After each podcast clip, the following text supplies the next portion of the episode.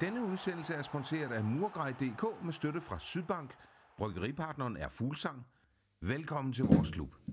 Og i dag skal vi snakke om FC, øh, sejren over FC Midtjylland, og så skal vi kigge frem øh, mod søndagens modstander Vejle, som øh, her til aften tabte 4-2 øh, i Aarhus. Til at tage jer med igennem, det har jeg Søren Papst. Øh, velkommen til, Søren. Tak skal du have. Søren, det var helt mærkeligt at sidde i studiet sidste uge uden dig, men øh, vi klarede det alligevel, håber jeg. Jeg håber ikke, øh, lytter noget for savnet dig for meget. Bare jeg havde næsten abstinenser. øh, dagens anden gæst, det er freelance journalist øh, Niklas Stein. Velkommen til, Niklas. Tak skal du have. Og Niklas, du har været med et par gange øh, før også. Øh, du er jo lidt af en øh, sønderjysk ekspert. Hvor meget øh, skal du følge sønderjysk i den øh, kommende sæson? Jamen øh, meget, meget forhåbentlig. Øh, nu sagde du, at jeg er freelance, øh, freelance journalist, der er som sagt også. Øh, man har en del timer ved Radio 4 lige for tiden, hvor øh, jeg synes, vi dækker øh, dansk fodbold sådan rimelig tæt. Så altså, det kommer selvfølgelig an på, hvordan, synes, øh, hvordan, hvordan det går det. Men, men som det gik øh, der i foråret, hvor de vandt pokalfinalen og sådan noget, hvis de, hvis de, øh, hvis de gør sig på lidt øh, altså på, på samme måde, på, samme postet takster til øh, her i den kommende sæson, så, så bliver det en del forhåbentlig. Og Niklas, øh, det blev til en øh, 2-0 sejr over, over mestrene i den uofficielle Supercup. Var den her sejr faktisk mere end tre point, var? Øh, det er en sejr jo aldrig i ligaen, men, øh, men jeg kan godt forstå, hvis, de, øh, hvis, hvis Glenn og Company derinde, de, øh, de i hvert fald kunne bruge den til lidt ekstra meget trænings, øh, træningsugen efterfølgende. Nu kan jeg se, at Glenn han allerede er, er taget afsted til, til, ja det må jo så være Tjekkiet for, for at forberede sig på, på Pilsenholdet der. Øh, så jeg ved ikke, hvor meget øh, de egentlig har kunne, kunne bruge tiden på, på hvad kan man sige... Øh, på at glæde sig over øh, kampen, men jo, altså selvfølgelig, det, det er de danske mester, og det er, det er en kæmpe, altså det, det er en kæmpe takst at få for, for, et, folk, for et hold for Sønderjysk i den, i den første kamp. Øhm, og jeg tror da, at det er klart, at det er noget, som, som hvis jeg klænder Glenn Riddersholm ret, så, så er det noget, man vil få det maksimale ud af i forhold til at, at kunne indprinte en, en, en selvslid i starten af holdet. Nu startede det også godt sidste sæson og sådan noget, men, men også efter en sæson, hvor det ikke altid er gået lige godt, lige godt i, øhm, i ligaen, så, så tænker jeg, at tre point fra start, det er noget, man gerne vil få ekstra meget ud af, især når man, når man vinder over mesterne, hvilket ikke sker så tit. Så bestemt. Søren, hvor meget øh, tænker du som, øh, som fan, at det er vigtigt at komme godt i gang? Jo, men det, det betyder da enormt meget. Jeg var lidt ked af, at der ikke var flere på stadion til at få oplevelsen, men, øh, men det, gav da, det gav da i hvert fald en god start for alle dem, der var på stadion, at man får den der følelse af sejr, øh, når man i lang tid for, for rigtig mange vedkommende ikke har været på stadion. Så første gang man er tilbage, så... Øh, så får man de tre point, og så er det mod mesterne i en, i en velspillet kamp. Øh, det betyder enormt meget, og også bare det der med at få tre point øh, fra start, og når det er mod mestrene, altså havde det nu været mod øh, AC Horsens, så havde det ikke øh, været, altså det er sådan en kamp, man, man gerne skal vinde, ikke? Øh, hvis, man, hvis man vil gøre sig nogle forhåbninger. Øh, hvor man kan sige, mod FC Midtjylland er det lidt mere gratis point, når man, når man endelig får tre point, så er det, så er det, så er det noget, man ikke havde regnet med. Uh, man kan sige, det, det er lidt ligesom at få en, uh, få en stor ordre, efter man har opnået sit budget. Vi har bare uh, fået den, før vi, uh, før vi kom langt. Ikke? Vi har jo snakket en del herinde i studiet, og det hele sidste sæson, der fik man 5 uh, point uh, mod, uh, mod top 6-holdene. Nu er man godt på vej med, med allerede tre, så mangler man to for at tangere sidste sæson. Det er vel også noget pres, der kommer af af truppen, at man viser, at man også kan være med mod de bedste. Også selvom, at, at de måske har den her Europa- eller Champions League-kamp øh, i vente. Jamen det, kan, det kan altid bruges til ekstremt meget, også i forhold til at skulle bygge videre på tingene og få indprintet den her selvslid, som vi snakkede om. Men jeg vil så alligevel også gnide lidt salt i såret, for, øh, for umiddelbart så tænker man, det, det er super godt, og man også ser et hold som FC København taber point og sådan noget, men så er det jo ikke, hvad kan man sige, når de nu skulle vende Sønderjyske, så, øh, så udfolder resultaterne sig ellers ikke super godt. Øh, før, før her til aften, hvor vi så Vejle tage point, det kan kun være godt for Sønderjyske for må man må mene, at, at Vejle er de hold, de skal konkurrere med i bunden, hvis Sønderjyske eventuelt skulle, skulle ligge der og rode rundt, ligesom, ligesom, ligesom sidste sæson. Men, øh, men når det er sagt, så, så, øh, så som sagt, så, så udfoldet resultaterne ikke helt, som man kunne have håbet for Sønderjyske. Der var også nogle af de andre hold, der, øh, der også vandt lidt overraskende point i forhold til de hold, som, som ja, både hvis Sønderjyske kan ligge der i bunden og, og, og rode rundt, ligesom, ligesom sidste sæson, men også hvis de skal gøre sig forhåbninger om top 6, de hold, man, man nok skal regne med, at de skal kæmpe om der, de, øh, de fik så også en god start øh, i runde 1. Så det er noget, de skal bygge videre på, øh, hvis ikke det her det skal, det skal fise ud forholdsvis hurtigt. Men som sagt, øh, hvis man vil bruge det her til noget i forhold til selvstid, så kan man ikke få en bedre start end at vinde over mesterne. Nej, jeg tænker mest, at resultaterne, det er vel, hvis du går efter den der top 6, du mener, fordi at uh, Horsens taber 3-0. Vejle bliver spillet ud af brættet det første kvarter 20 minutter bagud 2-0. Kommer så på 3-2 her til aften, men, men, men er, er et ringhold, synes jeg. Det virker ikke øh, samspillet overhovedet. De har også mange nationaliteter. Så det er vel mere i forhold til den der top 6, som vi stiler lidt efter og gerne vil prøve igen. Jo, det er, jo, det er rigtigt. Det er rigtigt. Det skal være med den altså primær, primær vægt på, øh, på den i forhold til, til de resultater. Og nu nævner du lige præcis Vejle og Horsens, og det er nok dem, jeg klart vil mene, især Horsens, efter at de har mistet Bo Henriksen som må. Det skal, det skal vise sig interessant at se, om selvfølgelig det vil vise sig, hvor stor en del af, af deres succes de seneste sæsoner, fordi altså, en hver, i forhold til det budget Horsens så har, så i hver, øh, en hver sæson, som de ikke ligger til nedrykning i, det er, jo, det er jo en forholdsvis god sæson for dem. Så det vil vise sig, hvor meget Bo Henriksen egentlig har betydet for dem, men, men mit indtryk, og jeg går ud fra mange jagttagers indtryk, er, at, at han har været en rigtig, rigtig stor del af det. Så derfor vil jeg sige, at, at jeg, vil nok, jeg vil nok vurdere Horsens og selvfølgelig Vejle som, som de primære favoritter til at, til at skulle kæmpe om, om, om at rykke ned, eller om at undgå at rykke ned. Så jo, jo altså set på den front, så, så er det kun positivt for Sønderjyske, at de vinder. Altså der har de allerede fået det her forspring i forhold til dem. Men jo, som sagt, top 6, og det er jo selvfølgelig det, der er ens... Jeg ved, ikke, om, jeg, jeg ved faktisk ikke, om Sønderjyske har meldt målsætning ud, men det, men det er klart, at det nok vil være deres ambition, eller i hvert fald håb, at slutte i den her top 6 så er der meget arbejde endnu, og det, det er tre point over Midtjylland, ikke, det er ikke halvfuldt den endnu. Nej, Søren, det er jo nok... Øh, Lyngby kan vi også tage med ind i den der. Det er nok også dem, vi skal kæmpe mod. De får så et point øh, mod AB. Hvordan synes du, den her start, første runde har været, sådan, hvis, vi skal, hvis vi skal kigge på vores direkte modstandere? Fordi et Sønderjyske, de har jo meldt ud, at det er, en, øh, det er overlevelse, det primært gælder om, og så må vi øh, se, at de har et bund 8 budget, øh, så, så det er der omkring, vi skal lægge. Jo, men altså, jeg, jeg synes egentlig, det er måske lidt modsat, ja, at det er en rigtig god runde for os, hvis man tænker på top 6. Øh, fordi det er alle dem, som ligger 5., 5., 5., 6., 7., 8., øh, der har, øh, der har der har øh, været i, i kamper og ikke har lykkes øh, nødvendigvis. Man kan sige selvfølgelig helt store hold, de, øh, de, de, at de fejler FCK og, og FC Midtjylland, at de fejler, det er ikke noget, vi som sådan, altså man kan jo sige, at, de, at Midtjylland fejler, kan vi jo så være glade for, men, men ellers så er det ikke noget, vi sådan skal bide mærke i, men at, at sådan nogen som øh, Nordsjælland fejler, og OB smider point, øh, det, det, det betyder også noget for os i, i forbindelse med det her top 6, så det, det tror jeg ikke, vi skal være så ked af. Jeg kan godt se, at Randers øh, havde spillet uafgjort med Horsens, men ellers så synes jeg egentlig ikke, det har været så skidt.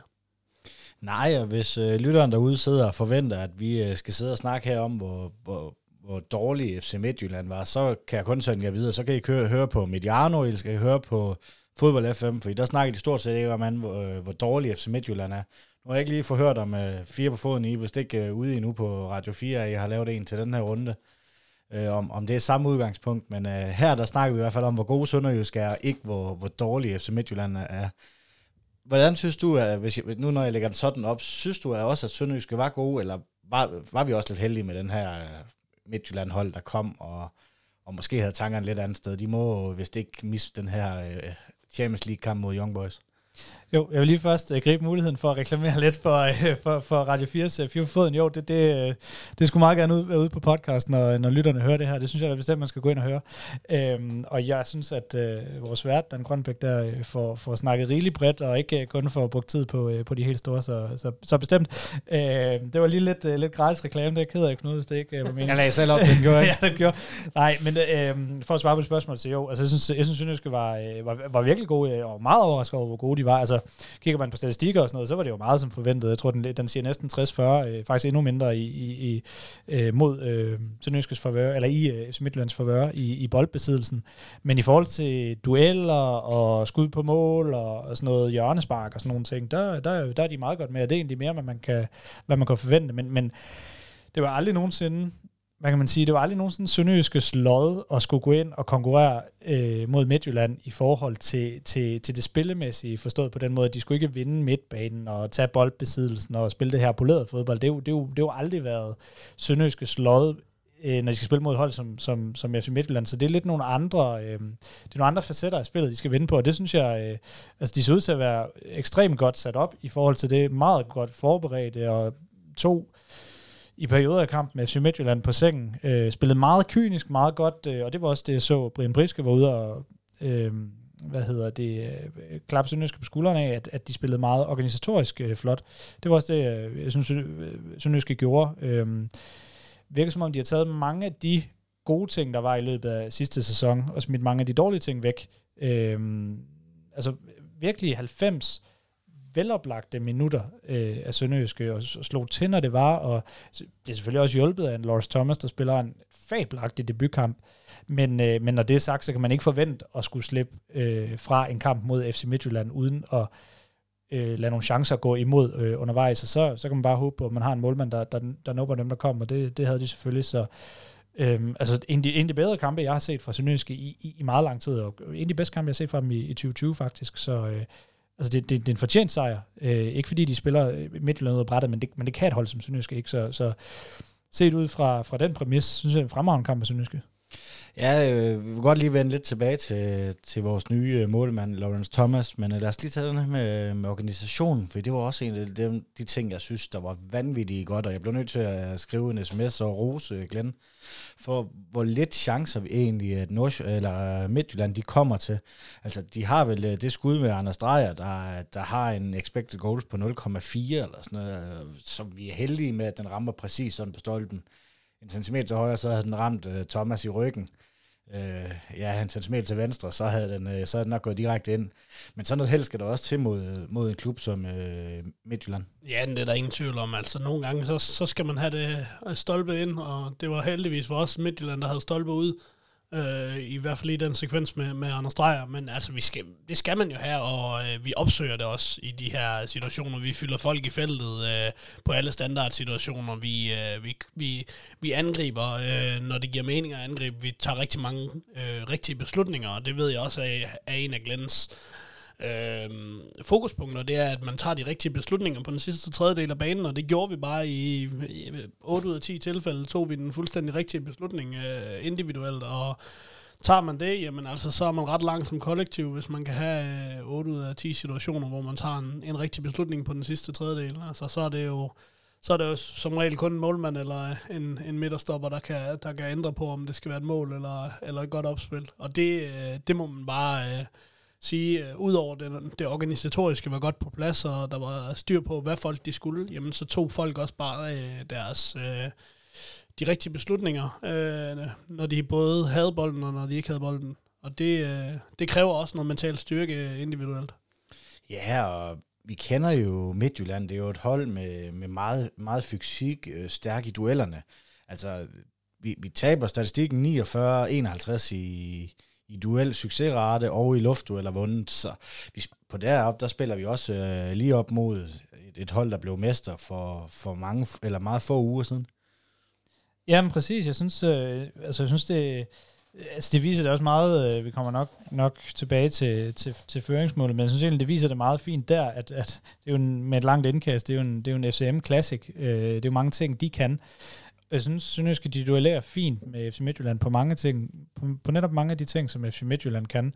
Øh, når jeg sådan går ned over startopstillingen i, øh, i går, Sønderjyske startopstilling, så det er ikke øh, fysik, det som, som, øh, som primært springer mig i øjnene, øh, men, men, men det var det, som, som Sønderjyske fik ført frem og sørget for øh, ja, og udfordre FC Midtjylland på. Så øh, som jeg var inde på tidligere, synes jeg bare, det var, altså, det var meget veloplagt. Det var ikke fordi Sønderjyske, de bongede helt ud på, på noget særligt i den her kamp, men øh, det virker som om, at de var, de var godt sat op for at bruge sådan et, et rigtigt trænerbegreb øh, mod FC Midtjylland, som, som heller ikke lignede noget hold, der... Øh, og det skal være, det skal være en ros til Sønderjyske, som ikke, ikke lignede et hold, der tog let på Sønderjyske på nogen form. Det var ikke, det her var ikke et resultat, der kom så af, at, øh, at FC Midtjylland undervurderede Sønderjyske. Det synes jeg ikke på nogen måde. Så øh, altså det var, det var rigtig, ja, yeah, det, det var, øh, altså det var to, to øh, ganske fine hold. Ikke, øh, ikke, ikke, som vi ser nogle gange, de her første runde kampe, hvor der er et hold, der ikke kommer ud på samme måde. Jeg synes, eller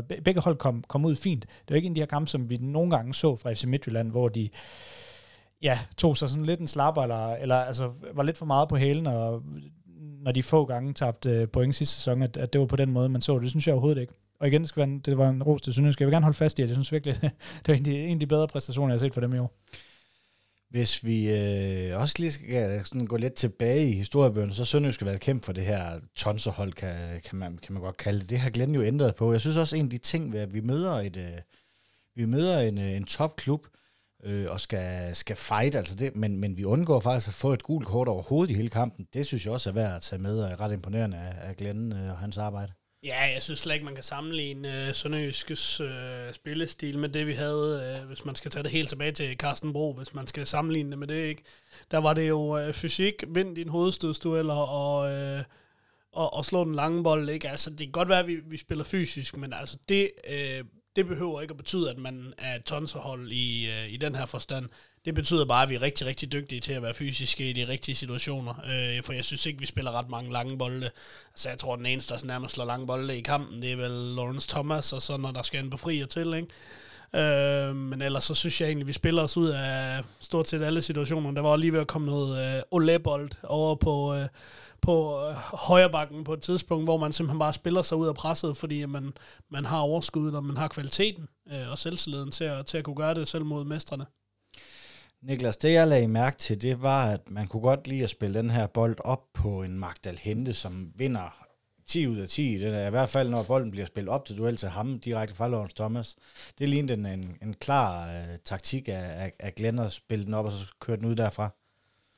Ja, og det, øh, jamen det er egentlig godt set. Det var, det var egentlig ikke noget, jeg bemærkede super meget, men, men, øh, men altså, det, er jo, det er jo noget, man også kender ham fra, i, i, eller i forhold til den gameplay, der var, da, da, da Alhente sidst var i Sønderjyske, og i, og i den periode, hvor han var inde og for meget spilletid i FC Midtjylland, at det er det, han er, han, øh, han, han er dygtig på. Øh, Øh, og de her duelspillere også, fordi det tænker jeg, at det var, det var noget, Glenn kunne, kunne sætte ham meget op til, netop fordi de møder FC Midtjylland, som er hans, er hans tidligere klub, øh, og han ved, hvordan han skal udnytte det. Man kan også vente om at sige, så burde de kunne vide, hvordan de skulle øh, lukke ham ned, men, øh, men, men det virkede til, at det i hvert fald var en rigtig beslutning, for det fik de overhovedet ikke gjort. Og, altså flot, øh, man kan jo ikke rigtig kalde det debut, når han spillede for Sønderjyske før, men sådan en returdebut af Dalhenne, jeg synes, han gjorde det rigtig, rigtig flot.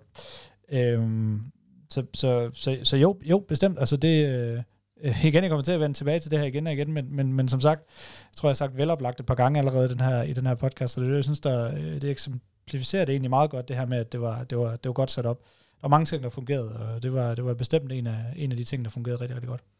Lad os prøve at tage de her tre øh, debuter. Øh, Magdal Hente kalder altså også lige en debut. Lad os øh, prøve at starte med ham. Du har lidt været inde på, øh, hvad, var, hvad lagde du mærke til ham øh, i hans øh, comeback, kan man kalde det for Sønderjyske så. Ja, men altså, det, det, det, er, det er en Magdal Hente, der bare er blevet bedre, og det, det har, jeg tror jeg også, jeg har, øh, har sagt øh, i de tidligere podcasts, at jeg var ikke nervøs for at få en, få en afdanket Dalhente tilbage, for det er en Dalhente, der er en bedre udgave, end han, da han øh, forlod Sønderjyske. Det er der ingen tvivl om. Han har fået endnu mere hår på brystet, øh, med endnu mindre hår på hovedet, siden han, øh, siden han kom fra Midtjylland, eller øh, siden han tog til Midtjylland fra Sønderjyske, ikke? Øh, så de år, han har brugt derop, det har, det har, været, øh, det har været en god tur på kostskole fra, fra Sønderjylland, og så derop, og så kom tilbage, og nu virkelig, altså nu er han jo blevet en, en kæmpe profil øh, ledermæssigt. Øh, han, er, han er taktisk klog, han, jamen han, han har hele pakken. Og øh, i min optik er han i top 2-3 stykker af, af venstrebacks i, i Superligaen, så det er kæmpe scoop. Niklas, nu øh, er du lidt mere objektiv end, øh, end, end mig og Søren nok. Altså de her wingbacks, vi har og kasset, hvis, vi, hvis de øh, spiller, spiller hver gang, øh, hvor højt vil du rangere dem sådan i, i Superligaen, altså sådan på wingback par? Hvor stærke er Sønderjyskerne?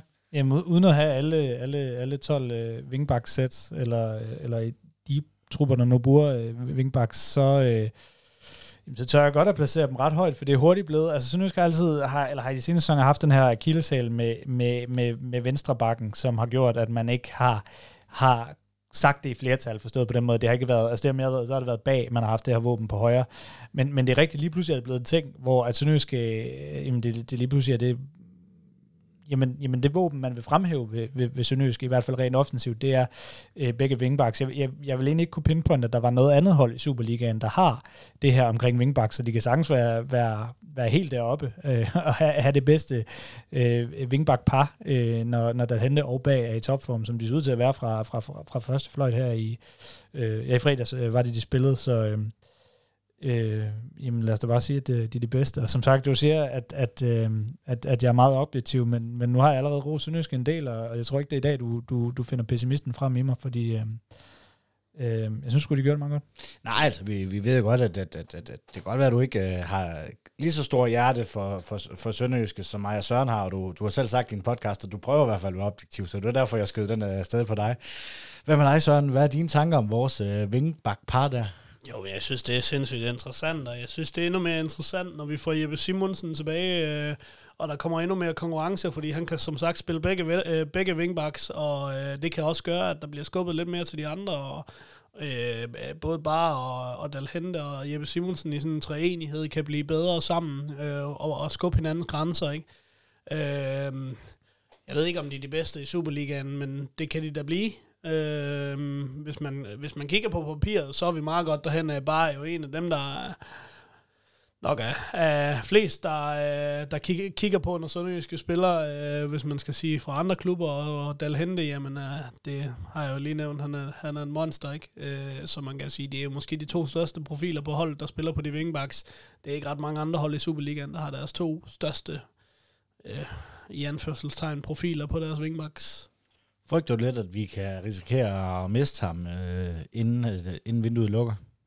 Ja og nej. Jeg tror, øh, jeg tror bare, han synes, det her projekt er spændende, øh, hvilket også gør, at han ikke vil altså, han smutter ikke for enhver pris. Det er klart, kommer der et tocifret millionbeløb øh, på bordet, og, øh, og, det, og, og bare selv kan se det som en, øh, en spændende mulighed, jamen altså, så er der ikke så meget at gøre, men jeg kunne, jeg kunne ikke rigtig forestille mig, at han rykkede til andre klubber i Superligaen. For det første tror jeg ikke, der er andre klubber i Superligaen, der vil betale pengene for ham. Øh, og øh, for det andet, så tror jeg ikke, at, at der er ret mange tilbud, han synes er mere interessante.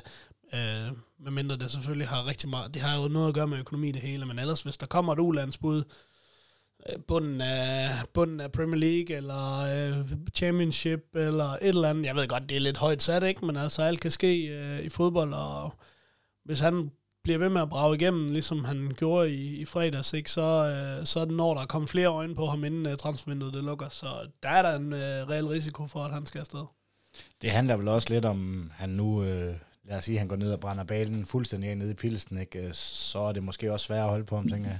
Jo, det er altid det, vi snakker om med det her udstillingsvindue. Der er de europæiske kampe øh, helt deroppe, hvor, øh, hvor du ikke kan snakke om finere udstillingsvinduer overhovedet. Det, det vil selvfølgelig lige få en tak med, hvis man skulle være så heldig at komme ind i, i selve, selve gruppespillet. Men også de her kvalifikationskampe kan vi jo se, hvordan de nogle gange kan være affyringsrampe for sådan nogle spillere især i Superligaen, og det skal måske være udlandet, man skal håbe på fra Sønderjyske, hvis man skal have et, øh, et godt millionbeløb for, for, for bag, fordi coronakrisen har nok eller har i hvert fald gjort købekraften i Superligaen, hvis ikke slået den tilbage til 0, så i hvert fald øh, derhen af.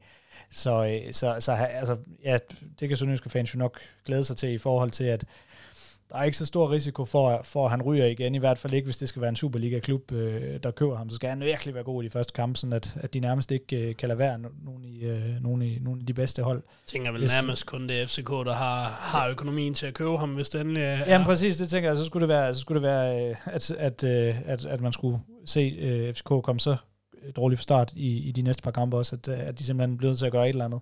Øh, og, og hvis de står med et problem der, så skulle være, at det skulle være sådan noget i den. Jeg tror ikke, han ryger til en anden Superliga-klub. Hvis øh. Midtjylland de eventuelt kommer i Champions League, så kan man måske snakke om, at de synes, det var et interessant, øh, et interessant projekt for ham til heden, men ellers så har jeg virkelig, virkelig også svært ved at se det. Jamen det er det. Det er, det er nemlig et godt bud. Så, så det, jeg tror, det skal være udlandet, hvis det skal være. Og det er klart, at hvis der, hvis der står nogen og, og vifter med et millionbeløb, så, øh, så er jeg sikker på, at Sønderjyske, de, eller de, kan, de kan være nødt til at sælge det, fordi økonomien er selvfølgelig også, også øh, presset en klub som dem, der var ude og snakke om, at de var nødt til at få nogle gode venner af huset til at hjælpe med at hente øh, Dalhente, ellers kunne man jo ikke på nogen måde øh, få en transfersum op i, det, i løbet af den her øh, sommer, siger jeg i anførselstegn, fordi vi er så langt henne, øh, eller sæsonen starter så sent. Ikke? Så, øh, så jeg tror egentlig ikke, at synske fans skal være så bekymrede i forhold til at få ham at se på Sydbank Park de, øh, de næste par kampe. Så øh, skal jeg være lidt overraskende, hvis, hvis, hvis der kommer et bud frem. Men... Øh, men, men de skal også, altså hvis, hvis de sender ham afsted, så er det fordi, at det, det kommer til at være rigtig, rigtig godt for økonomien, så det, det skal nok komme igen i, i sidste ende for Sønderjyske, det er jeg sikker på.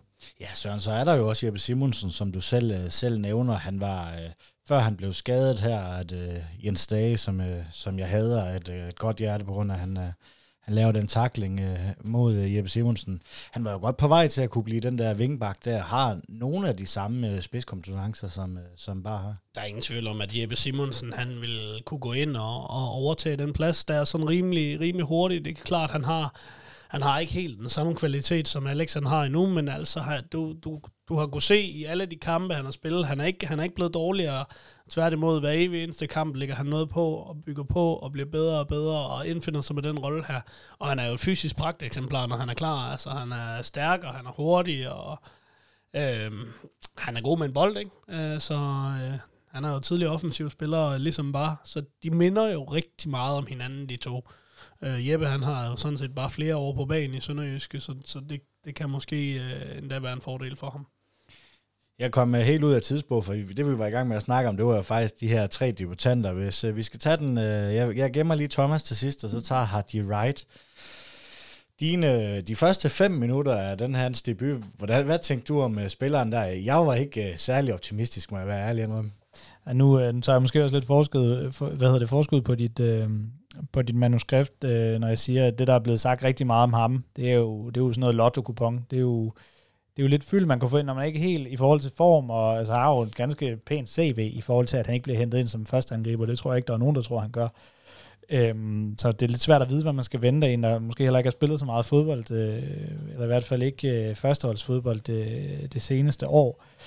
Øh, og ja, kunne måske godt øh, med god vilje se, se lidt, eller med dårlig vilje se lidt rusten ud. Øh, de første fem minutter havde nogle boldtaber og, og, og så videre, så det output, der alligevel kommer fra ham, er jo øh, total best case scenario i forhold til, hvad man kunne forvente ham, når, når det nu bliver til et øh, debutantmål. Jeg har virkelig svært ved at sige, øh, hvad, hvad man skal... Det kan sagtens være, at, øh, at det bare bliver til, til indhop øh, og ikke flere mål derfra, men det kan også sagtens være, at det bliver en ny komet. Det, det er sgu svært at sige lige i BT. Ja, men ligesom vi snakker om Sønderjyske med tre point i, i første kamp er vigtigt, man er på tavlen, så også en, øh, en, en spiller, der ikke har scoret så meget i sin øh, seniorkarriere, har bumpet på Schalkes anden hold, men også han kommer i gang, og han har jo ikke rigtig spillet fodbold. Holland lukkede jo ned tidligt, så han har ikke spillet fodbold i en 6-7 måneder nærmest. Øh, det er godt for ham at komme i gang. Ja, 100 procent, øh, som, som Niklas siger, som vi også har nævnt tidligere her i podcasten, så er han en lotto-kupon. Han er sådan klassisk, vi mangler noget, der er en eller anden case her, der måske er interessant. Vi prøver det. Det er ikke sikkert, at han er ret dyr på, på lønposten, øh, men der er noget at bygge på. Øh, og det, det så vi jo, der var noget at bygge på, men, men Rom bliver ikke bygget på en dag, når, når man kigger på ham. Øh, han kan godt blive til Rom, hvis man kigger på hans fysiske kunde, og han kan afslutte på den måde, der er i en presset situation mod en af bedst, øh, ligaens bedste, øh, bedste midtstopper, så er det jo ikke helt skidt. Men øh, de første fem minutter, når han, når han skal bruge bolden, altså nu, nu har øh, Niklas et podcast, der hedder Fire på foden, det har jeg meget, meget svært ved at forestille mig, Haji, han kunne have, han kunne have taget i, i fredags, for, for, for teknisk var han som sådan ikke noget vidunder, men han, han var der i den sidste situation, og det er det, vi skal prøve at huske på, og, og selv slid for en angriber, det ved vi alle sammen, hvad, hvad det kan gøre. Men jeg vil så også sige, at det skal virkelig tale til hans fordel, at han udnytter den chance, han så får. Øh, for det kan man sige, det, det er måske noget, man ikke ser, ser så tit af en angriber, der er relativt ny og eventuelt lidt rusten og gerne skal så til, hvor der, hvor der nemlig er en blanding af det her, måske rust og lidt pres, det ved jeg selvfølgelig ikke, jeg kender ham ikke, men det kunne man da forestille, forestille sig, der var den her chance, hvor han får, øh, ja en kontra er det vel egentlig, hvor han er alene igennem med en, med en FC Midtjylland forsvarsspiller, øh, og udnytter det jo altså sublimt. Han gør, altså, det, er jo, det er jo virkelig fint, øh, også i forhold til, at han, altså man ved jo reelt, det er et af de sidste minutter, man ved, at scorer han, så, så er den her kamp egentlig lukket. Altså du kan ikke forestille dig en meget mere presset situation, for du skal jo egentlig ned og score i den her situation. Øh, men, men det kan bare være svært, når du angriber, der ikke har spillet så meget. Du er ny i en klub, du, du kan være lidt rusten. Øh, så det skal, det skal tale til hans fordel, at, at han, altså, han gør virkelig det, man kan forvente, måske endda lidt mere i den her situation. Ja, for det er jo, altså det er Svirtjenko, han, han, han skubber ved, han stopper lige lidt ned, skubber ham lige lidt ja, det er for, forårets profil i Superligaen, ikke? Altså, eller hele sidste sæsons forårets øh, profil i Superligaen, det, altså det, skal, det, det er selvfølgelig også flot, det er det. Ja, og det, man kan jo se, det giver ham selvtillid, fordi et par minutter senere har, kunne han jo faktisk næsten have scoret til, uh, til 2 altså han går mod mål og får, får afsluttet rigtig godt inden for rammen, det er det, jeg lægger mærke til der ser jeg tit, når, når der er nogen, der afslutter, øh, så, så, så det bliver lidt for hastigt, og, og det så løber du ud til et målspark. Her der, får han, der skal en redning til, måske ikke den sværeste redning, sidder cirka lidt midt i mål, men en redning til, vi, vi kommer for et hjørne og, øh, og trækker tiden lidt der. Ja, nu, nu, nu taler du også den afslutning mere ned, end det er nødvendigt, for det var faktisk en rigtig, rigtig flot aktion, hvor han øh, driver bolden en halv, halv banelængde, og altså hammer den egentlig. Altså, man så snakker altid om, når, når man skal score mål, så skal man sparke øh, høj kort eller flad lang, og han placerer den helt op i øh, det højeste kort hjørne øh, Øhm, med sin venstre fod øh, selvom vi ved, at han er højrebenen, ikke? Altså, det, det, er en rigtig, rigtig flot afslutning og et godt, godt drev. Han kunne måske godt lige have taget skyklapperne af og spille øh, Abs helt, øh, helt øh, barberet over på den anden side, ikke? Men, øh, men, men generelt flot aktion. Altså, efter hans mål, der, der ligner han en, en, en rigtig øh, angriber lige pludselig. Han ligner lidt en Mart Leader, der bare får en afslutning på, som har noget kvalitet. Ja, hvis man kiggede ind på, øh, Øh, bold.dk Forum. Det er ikke alt, der er lige godt derinde, men, men der var i hvert fald nogen, øh, nogen, der godt kunne se et potentiale i ham her efter, efter et kvarter at spille. Øh. Så han bliver, han bliver i hvert fald øh, spændende at følge. Lad os øh, lige tage den sidste øh, debutant, øh, Lawrence Thomas. Øh, Thomas of Sønderjylland er han allerede blevet, øh, blevet dødt på, det blev han i hvert fald på tribunen. Prøv at fortælle lidt om øh, hans debut, Niklas. Ja, men jeg synes, det var sublimt. Det er en af de bedste øh, sønderjyske debuter, jeg kan huske i, i nyere tid i hvert fald. Altså han gør jo Øh, ikke, ikke nok med, at han har en to-tre redninger, og meget flot redning, man kan hive frem. Han har den her dobbelt, dobbelt redning, eller i hvert fald dobbelt aktion lige inden pausen, hvor han går op og, og griner, griber et hjørnspark, og øh, Midtjylland får den vundet tilbage rimelig hurtigt, og så har han en, en, en vanvittig flot refleks øh, lige umiddelbart efter. Ikke nok med det, så er han også bare ekstremt sikker i sin... Han er, han er både sikker i sin indgreb, men han har også nogen, hvor man tænker, den der skal han som udgangspunkt ikke nå ud til og man når at tænke, uha, går det nu godt, hvis, hvis det her det er en usikker målmand, fordi man ikke kender ham, og det går bare godt hver gang. Øhm, ekstremt, altså det er svært, jeg, jeg kender ikke så meget til ham, men, men igen, det, man ved, at det er, det er øhm, en, en, en relativt dygtig spiller med god erfaring fra MLS, som... Ah, øh, den australske liga. Øh, jeg undskyld selvfølgelig ikke MLS, det er USA. Øh, den australske liga, A-League øh, det er en... Øh, Jakob Poulsen har hjulpet med at formidle kontakten til ham og sådan noget, så, så øh, at der skal en relativt stor profil som ham til lige at øh, køre den hjem, så, så at sige. Det, det taler også om et profil, øh, en profiltransfer af, af en vis art. Man skal øh, ja, selvfølgelig aldrig nogensinde set så meget som en minut for ham nede i A-League. Det, det skal jeg ikke hæve det andet. Øh, og det er svært at bedømme ham på andet end 90 minutter, men øh, øh, hvis vi snakker om, at der eventuelt kunne være noget, noget rust ved en af de andre debutanter, så var der i hvert fald ikke noget, der minder om rust øh, ved ham. Øh, mange, mange flotte øh, aktioner og en vanvittig flot debut. Og så virker han som en leder i det felt. Altså han kommer med noget autoritet, griber de der bolde, som øh, Niklas taler om. Øh, noget man måske godt kunne, øh, kunne savne lidt for, for Milits, øh, gør sit forsvar øh, stærkere, og, og den trebakkæde, eller der stod dernede, de, de gjorde det jo fantastisk med ham som, som vigtigste led. Ja, 100 procent, og nu nævner Niklas, at det er en af de flotteste sønderjyske debuter, vi har, vi har set lang tid, øh, hvor vi øh, på samme måde i øh, vinteropstarten snakkede om Anders K., øh, der havde endnu en helt vildt flot debut for Sønderjysk også, så, så altså, der vinder Anders K. kampen på egen hånd. Det samme gør Thomas Lawrence for, for Sønderjysk. Jeg ved godt, der skal scores mål i den anden ende, men, men ja, Lawrence Thomas, undskyld. Øh, det, det, er, det, er, Altså, det er en magtdemonstration, øh, det han leverer. Øh, Midtjylland troede ikke på, at de kunne score på ham til sidst, virkede det til. Altså, de turde ikke rigtig at afslutte. Øh, sidst, da han kommer ind, afslutter han lidt.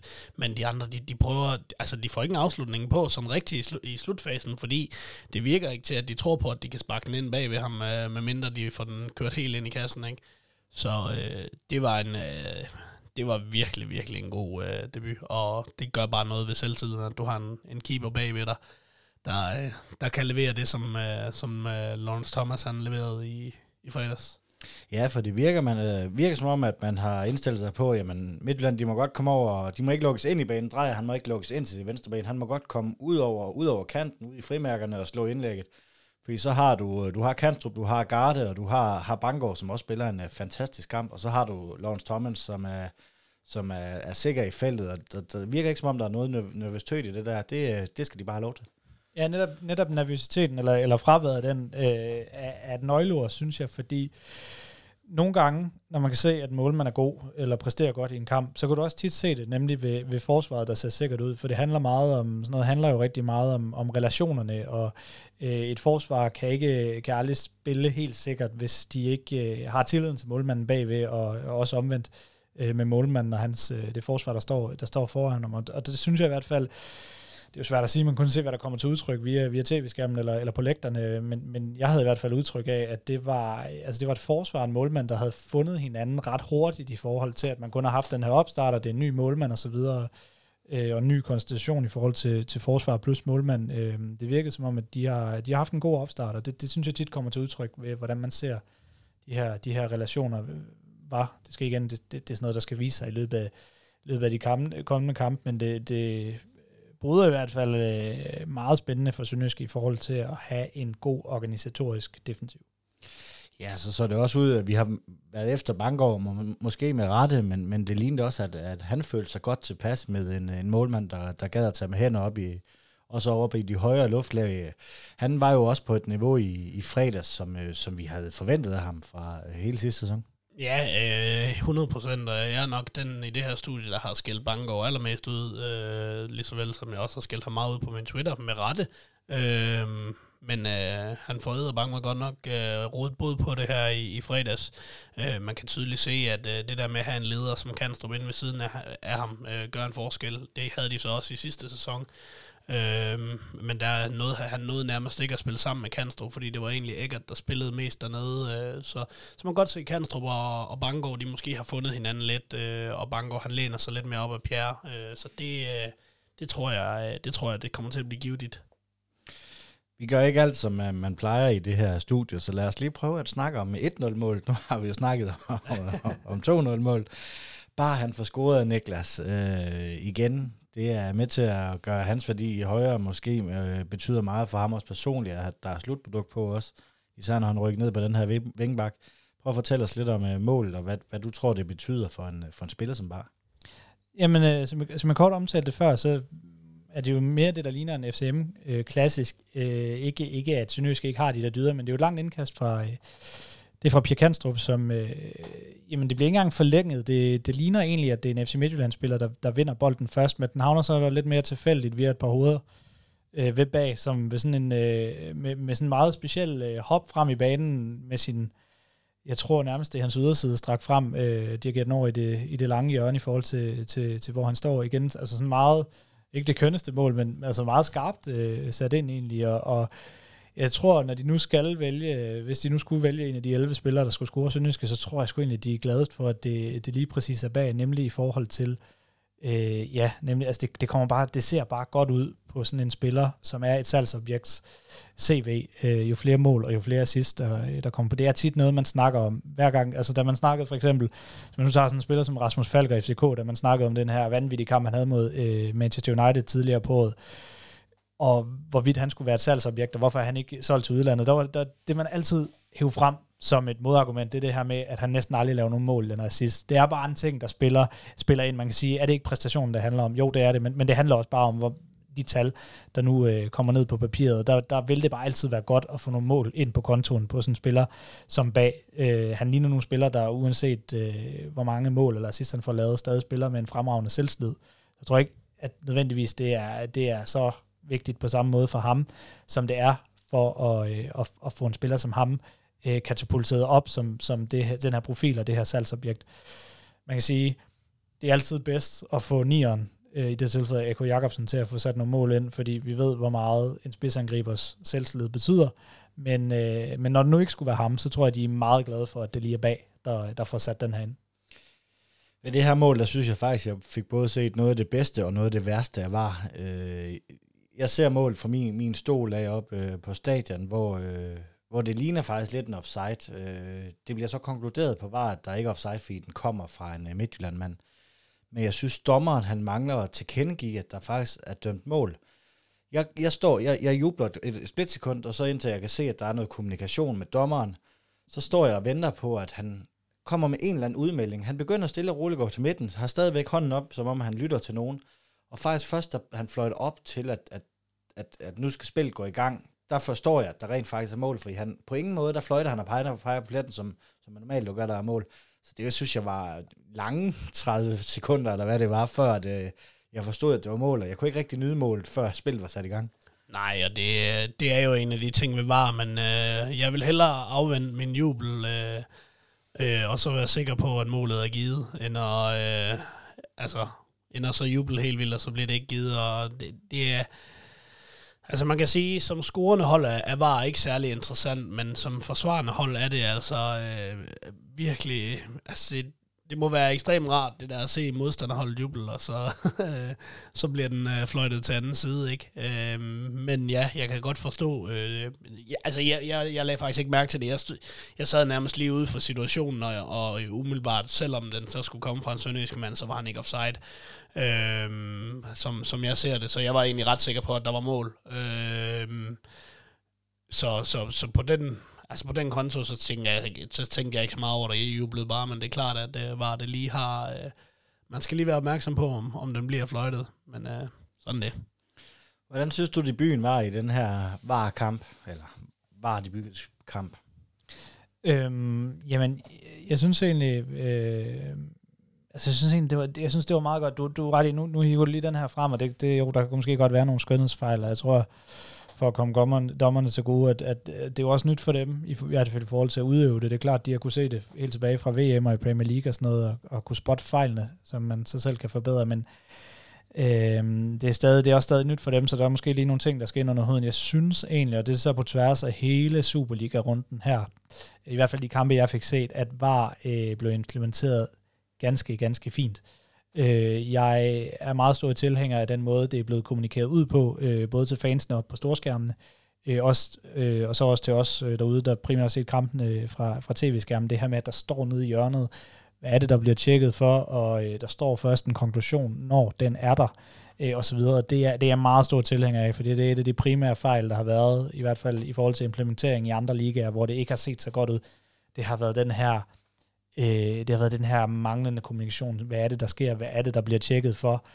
Er der blevet tjekket færdigt, og hvad er der blevet dømt osv.? Det skal altså bare sidde der, fordi ellers så mister man en stor del af det, der gør fodbold til en god tilskuersport. Jeg vil, så, jeg vil så primært sige, nu har jeg ikke været ude at se nogle af kampene live på stadion. Det, det kan I måske sige, hvis I, hvis I var ude at se, kamp, øh, se Sønderjyskets kamp øh, mere omkring. Jeg synes, det er klart vigtigst, hvordan det bliver kommunikeret til folk ude på stadion. Det er enormt vigtigt, at fodbold stadig bliver for de fans, der vælger at betale en, øh, en, en billet til at komme på stadion, øh, så er det ikke så vigtigt, hvordan det bliver kommunikeret ud til dem, der er ude ved skærmene.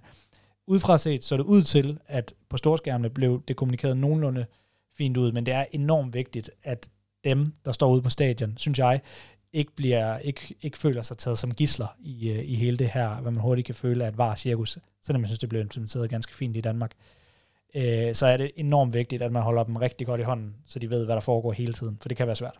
Ja, det er jo også altså, nærmest det eneste, jeg har at give på det her var her. Jeg synes også, at der skulle have været et uh, gult kort til Mabil for filmen, når de kiggede igennem var.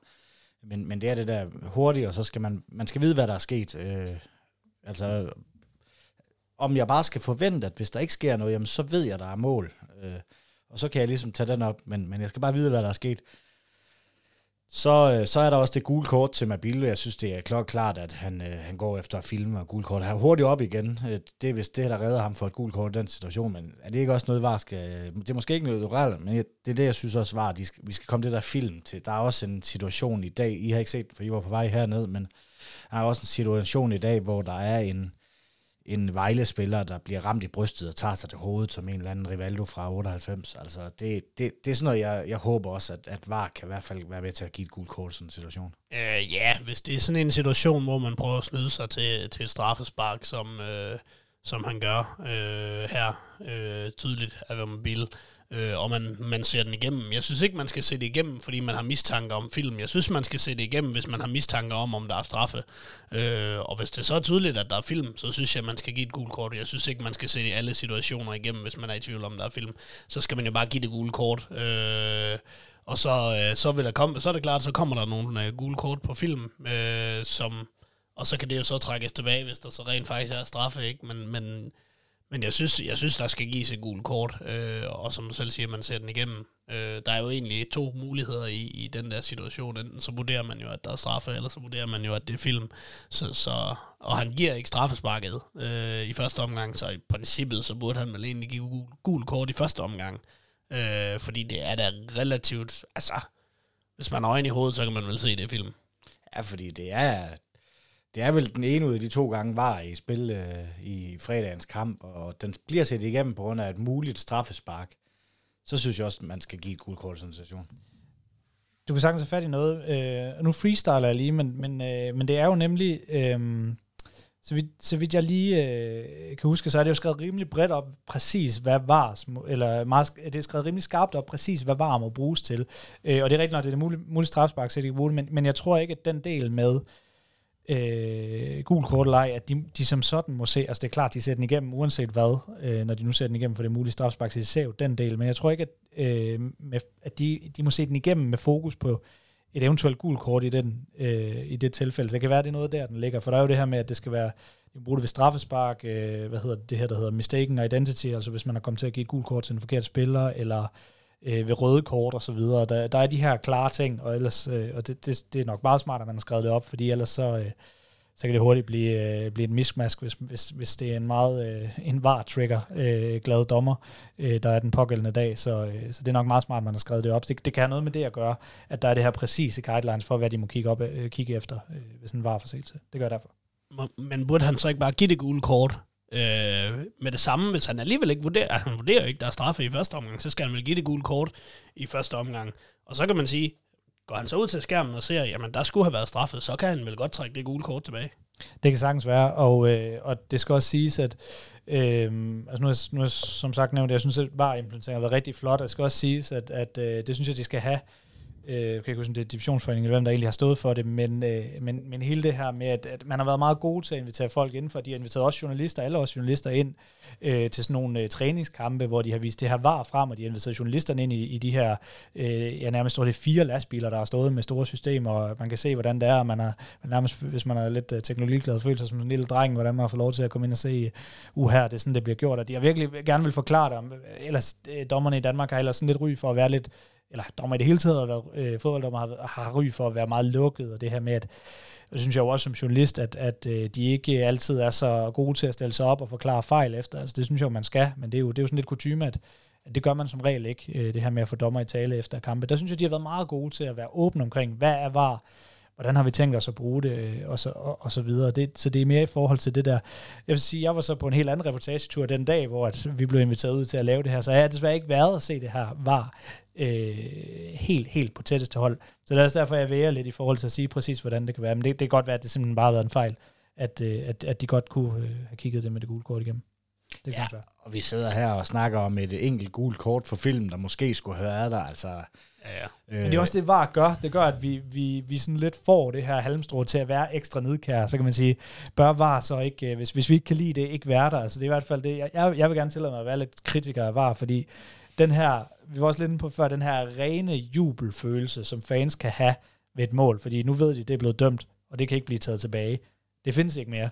I hvert fald ikke med VAR. Du, du, du har hele tiden, Søren siger det her med, du vil hellere lige vente lidt, og det er, jo, det er jo et kæmpe problem, synes jeg, som fans, det her med, at altså, lad os lige tage den med ro og sådan noget. Det er jo ikke det, er jo ikke, altså, det, er jo ikke det glæden ved fodbold at være fodboldfans, det her med at tage den med ro, når der er en scoring. Det er jo, det, det er jo, altså, det er jo det er kæmpe klart, selvmodsigelse. Der er jo nogle situationer, hvor man er nødt til at vente, og det vil man jo også kunne, øh, før var, kan man sige, fordi der kunne de stadig, de kunne stadig nå at ændre det dengang.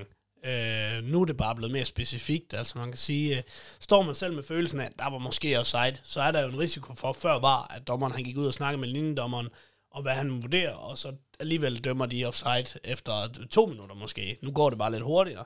Man kan sige, har de rights mål, der var ikke nogen tvivl. Vi vidste jo, der var mål. Øh, altså, så, så, og det, det er sådan nogle ting, der gør, at øh, så stor modstander er jeg heller ikke af det.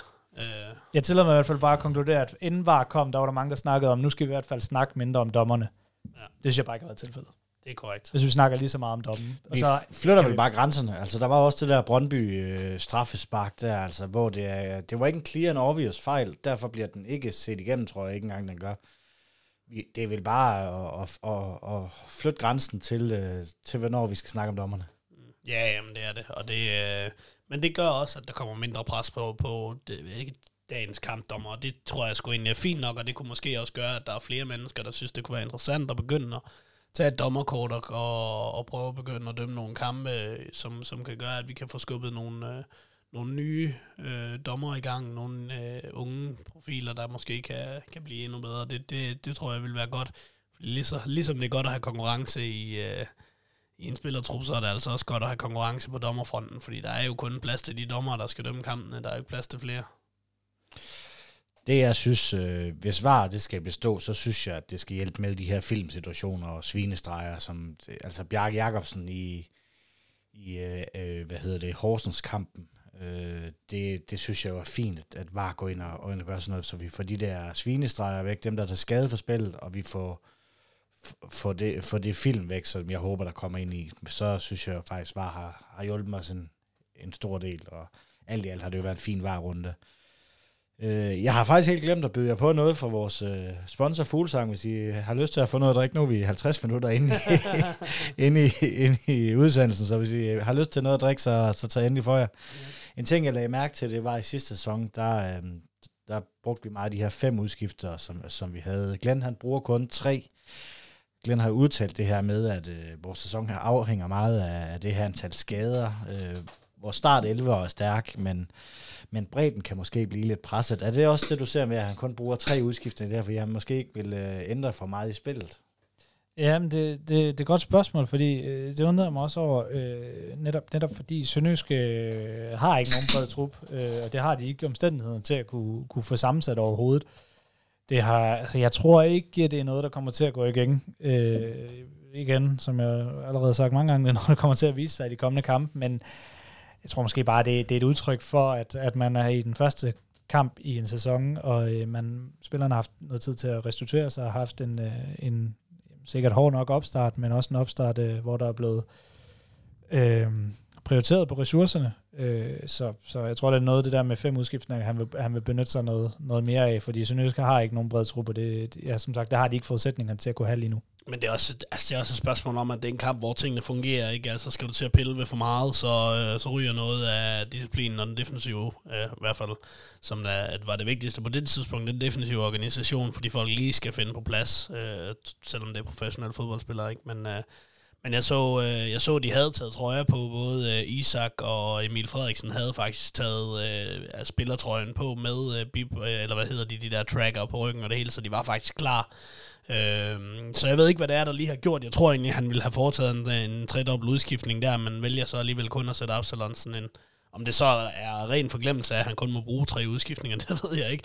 Øh, men de var faktisk klar øh, til at skulle på banen. Øh, men der er et eller andet, der har gjort, at man ikke øh, valgte, at sætte dem ind, øh, valgte at sætte dem ind. Det, det er jo klart, at du, nok, du vil nok se det her med de fem udskiftninger noget oftere ved, ved hold øh, og præstationer, hvor det ikke går helt efter bogen. For jo, det, det, altså det gik jo helt efter planen for, øh, for, for Sønderjyske, og så der var det her flow i spillet, som man jo selvfølgelig kommer, jo, jo flere øh, ud- og indskiftninger man bruger, jo mere vil man slå flowet ihjel. Øh, det, det, det siger sig selv, at, at når du skifter tredjedel, eller ikke engang en tredjedel af et hold ud, øh, Øh, når du bruger tre, jamen så, når du bruger fem, så skifter du halvdelen af, af, af markspillerne ud, og når, når det går godt, jamen så risikerer du det her flow, så det, så det er klart, det kan også være et udtryk for, at det gik så godt. Øh, det er nok noget, at bruge alle fem indskiftninger, er noget, du vil se øh, hold øh, bruge, når de er bagud. Øh, der, der er det mere et våben, selvfølgelig også i forhold til, til når spillerne er træt med her i starten af sæsonen, vil det nok ikke være noget, du ser øh, lige så ofte. Så, så det er helt klart også noget, der, der nok vil komme i spil, det er rigtigt. Man kan sige, selv Midtjylland brugte jo kun fire, ikke? Øh, selvom man må vurdere, at de måske havde firepower mere, øh, til mere, men øh, valgte kun at bruge fire. Så. Kan det også have noget at gøre med, at øh, vi spillede fredag, skal først spille søndag igen, altså der, der er lang tid til næste kamp, altså det er ikke fordi, at man spiller, øh, spiller søndag, torsdag, søndag lige i øjeblikket. Nej, og det er jo det, som, som Niklas han, øh, han siger, at øh, vi er friske. Det er første kamp i sæsonen, og nu har vi jo også lang vej, så vi kan nå at restituere. Samtidig så er det også bare øh, alfa og omega nu, når man skal ud og spille øh, en så vigtig kamp, som det er, når vi skal til Tjekkiet, ikke?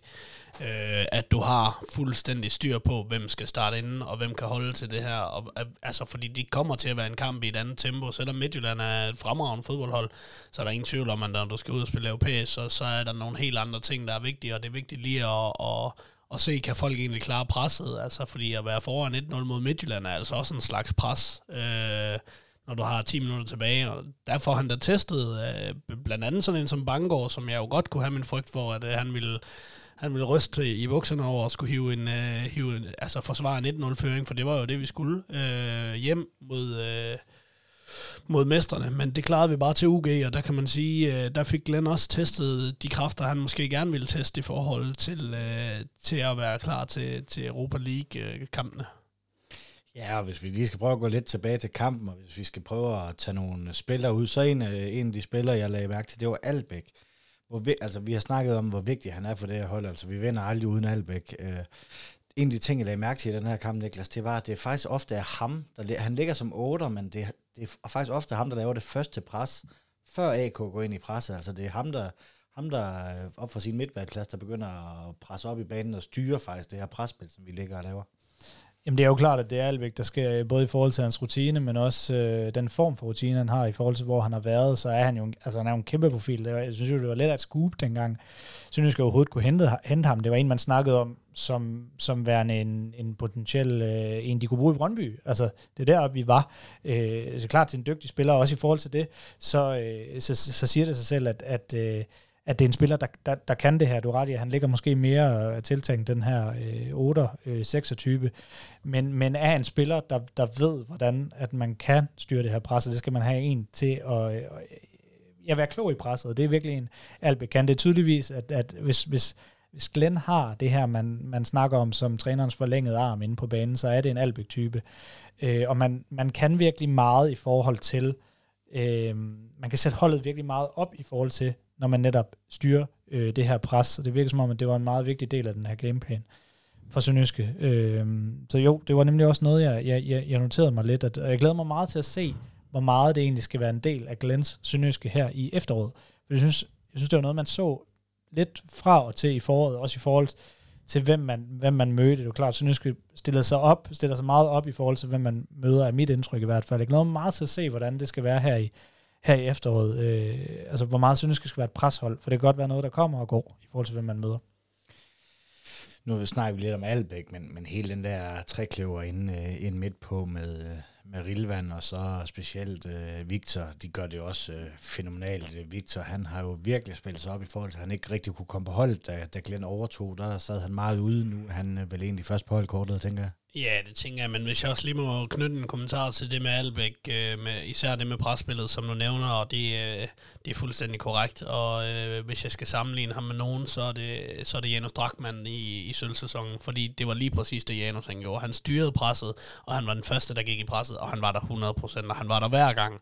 Så det er et spørgsmål om, at Albæk han er begyndt at komme i den form nu, hvor han kan tage de her... Øh, øh, tage de her pr- øh, øh, presløb, øh, og simpelthen øh, kunne holde til det i øh, øh 90 minutter. Ikke? Øh, så det, øh, det er utrolig spændende, fordi hvis du spørger mig, øh, som jeg også har nævnt før, så var Janus Drakman, øh, Drakman absolut med afstand vores bedste spiller i sølvsæsonen.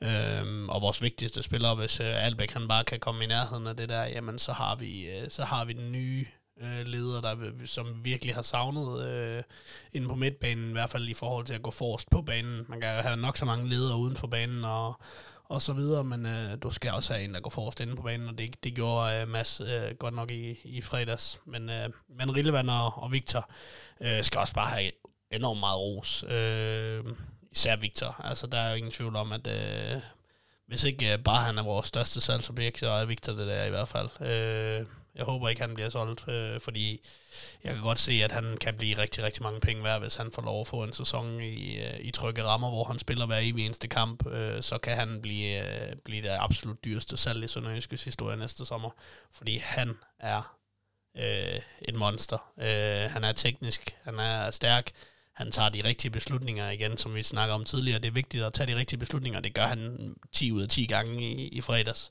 Han mister vel ret beset ikke en bold. Øh, og hvis han, hvis han var i nærheden af misten, så nåede han takle den tilbage inden, øh, inden det, så han også god igen presset.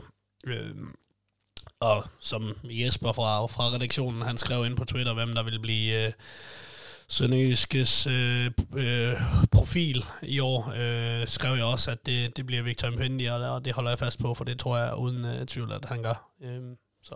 Er det måske en uh, spiller som en Pendi, vi måske skal være mere bange for at miste end, uh, end bare, hvis vi skal prøve at sammenligne uh, de to, sådan, uh, som nok er de to største salgsobjekter, vi har?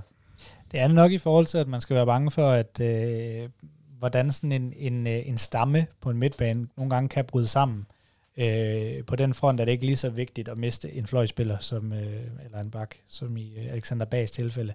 Så jo, på den front, altså jeg synes stadig, at, øh, at øh, det, det er også et udtryk for, at Albeck, han gør, han gør resten af spillerne der, der omkring vigtige. Jeg synes stadig, Øh, Mpendi har nogle ting, hvor han kan lægge på, øh, og på den front tror jeg nemlig, jeg tror, jeg er helt enig i, øh, at, at han kan være, at han står efter bag på afføringsrampen, i forhold til, at hvor bag måske godt kunne blive skudt afsted nu, hvis det var, øh, og hvis coronakrisen og omstændigheden omkring den ikke var, som der var lige nu, øh, jamen så tror jeg mere, at der skal en sæson mere på Impendia. Jeg tror virkelig, at, at øh, kombinationen af ham og Glenn, jeg tror, at Glenn kan putte nogle ting på ham, som gør, at han ligner en mere komplet pakke til næste år, øh, hvor han kan være et meget, meget spændende salgsobjekt øh, i øh, omtrent den størrelsesorden, som Alexander Bag er lige nu. Jeg synes dog ikke, han er lige så vigtig som holdet, øh, eller forholdet lige pt. i forhold til, at man skulle være bange for at miste ham.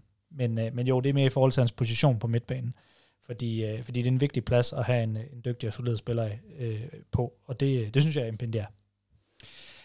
Har I noget mere til den her Midtjylland-kamp? Nu har vi snakket en time om den. Øh, umiddelbart har I lige en, øh, en sidste pointe, I skal med, inden vi går videre til, øh, til Vejlekampen? Så nej, nej, nej, det er faktisk ikke alligevel. Nej. Vejle Boldklub, de er tilbage i øh, Superligaen. Øh, Øh, Niklas, en, øh, en meget, meget ubekendt størrelse, vi skal møde søndag.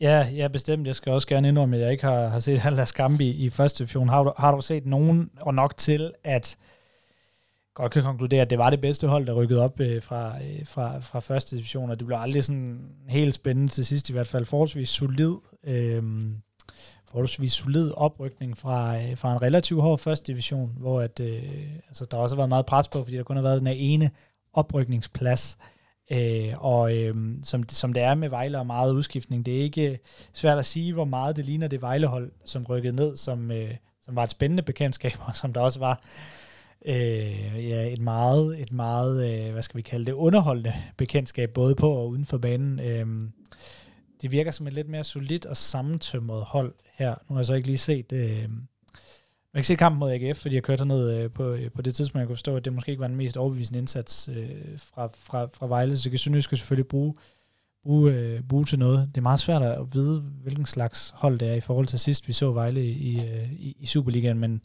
så er du alligevel godt spå, at det er, det er en nedrykningskandidat, så det er, altså det er også et, det er en kamp, som Sønderjysk virkelig kan bruge til at katapultere det her op som en, som en, som en meget god sæsonstart. Det, lige pludselig pres på, de skal gerne have tre point, så det, så det kan se godt ud lige pludselig.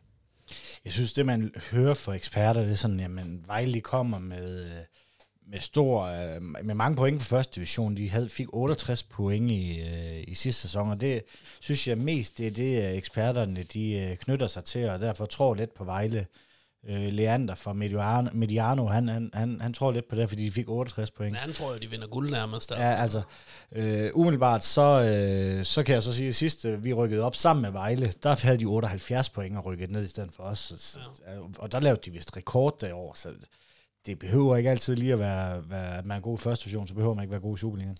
Nej, og det kan du jo se på kampen i aften nu. Nu har hverken øh, Niklas eller jeg set den, men, men du har da trods alt alligevel berettet om, øh, at der var ikke ret meget at skrive hjem om. Øh, og når jeg ser på den opstilling, de kommer med, så er det jo individualister, øh, der snakker, øh, ja, øh, jeg skulle lige så sige 11 forskellige sprog, men der er der alligevel øh, tre, tre, der kan snakke dansk på holdet, ikke? Men, øh, hvis færingen, øh, færingen også kan, så er de faktisk ja, fire. Det skal de, alligevel have. Altså, det, og det, jeg, jeg, jeg kan ikke tro på det projekt der. Jeg vil, jeg vil, ikke, øh, jeg vil simpelthen ikke, øh, ligesom Benjamin Lander, øh, lægge hovedet på bloggen og, og sige, at de overlever, for det, det, det kan jeg, jeg, kan ikke, jeg er ikke nødvendigvis øh, typen, der siger, at de rykker ned med det samme.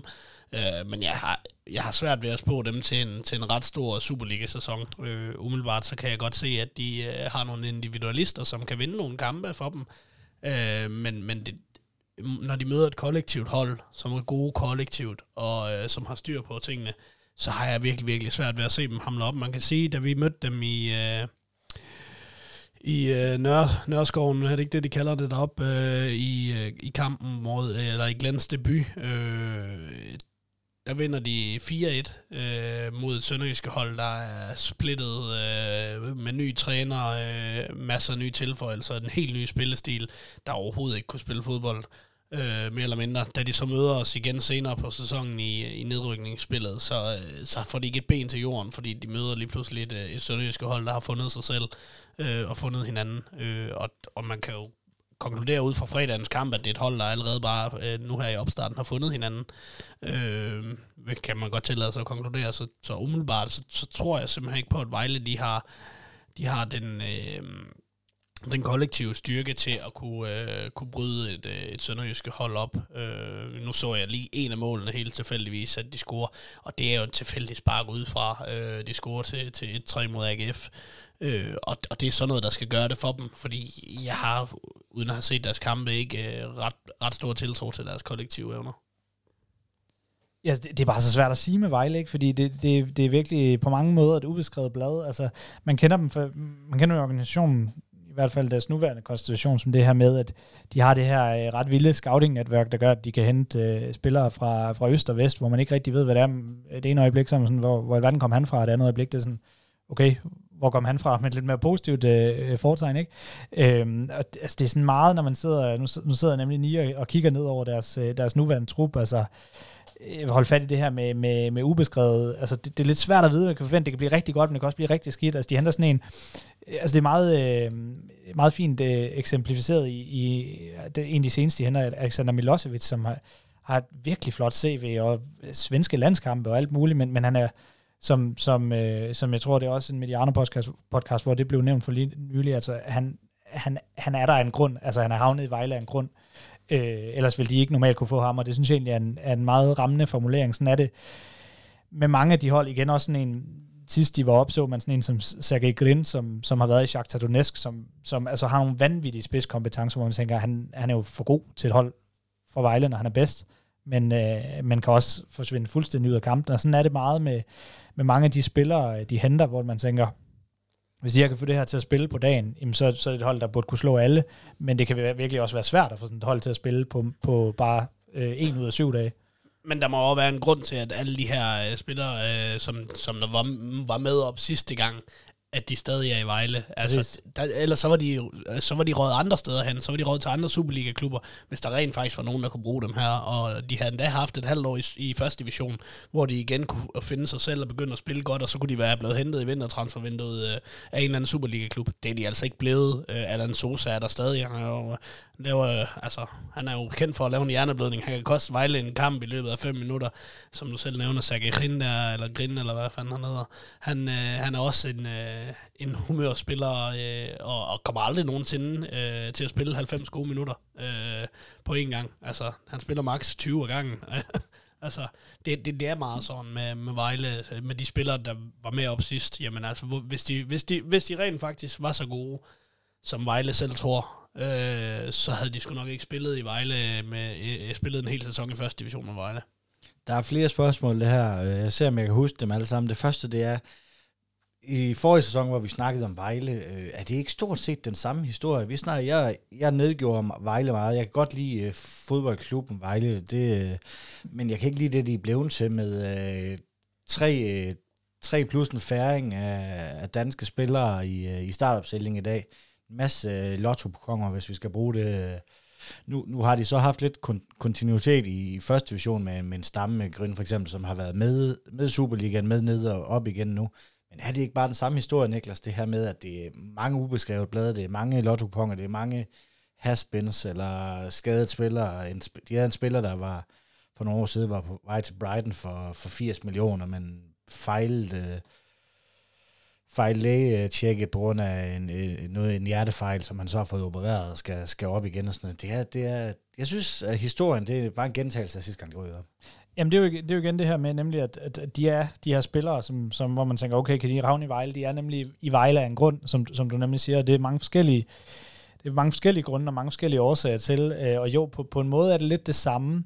Man kan sige, nu, nu, har de, nu har hele den historie om Vejle også et par år på banen, fordi Øh, det var en meget eksotisk konstellation, det her med, at de blev øh, udkøbt, eller hvad hedder det, opkøbt af en, af en udlænding, og der var mange historier om ham, og hvad var det egentlig lige for en, øh, Øh, for en gut, og, og, og igen, hvad var det for en organisation og konstellation, der var bag, altså, men, men nu, nu kan man så sige, nu har det også nogle år på banen, og det er altså sådan rent organisatorisk, og i forhold til ledelsen, der, der, er, det gjort, øh, der er det blevet gjort meget fint, og øh, øh, altså ham, der står i spidsen for det hele, i hvert fald ud, udefra til, altså direktøren Henrik Tønder, han, øh, han, er jo, han er jo en dygtig fyr, og også en... Øh, øh, ja, han er også sådan... Øh, præcis, han nemlig Sønød har også øh, en fortid i, i, øh, i Sønøskes øh, afdeling, salgsafdeling.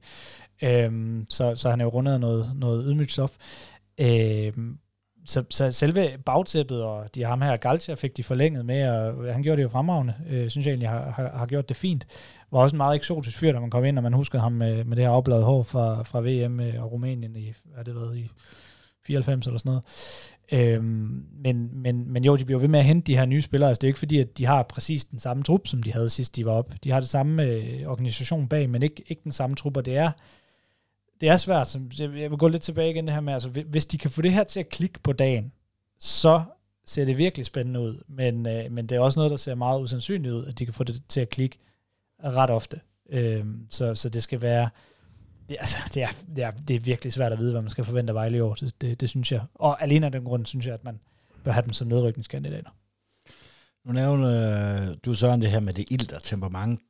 Kan et hold som Vejle ikke med, med østeuropæer, med sydeuropæer, kan de ikke få øh, problemer med det her var? Altså, vi har jo set Sosa, som du selv nævner, lave nogle hjerneblødninger. Altså, nu bliver de opdaget på var. Laver han en eller andet svinestreg, der er til rødt kort, så bliver han altså smidt ud. Om dommeren ser det eller ikke ser det, så er der nogle var, der ser det.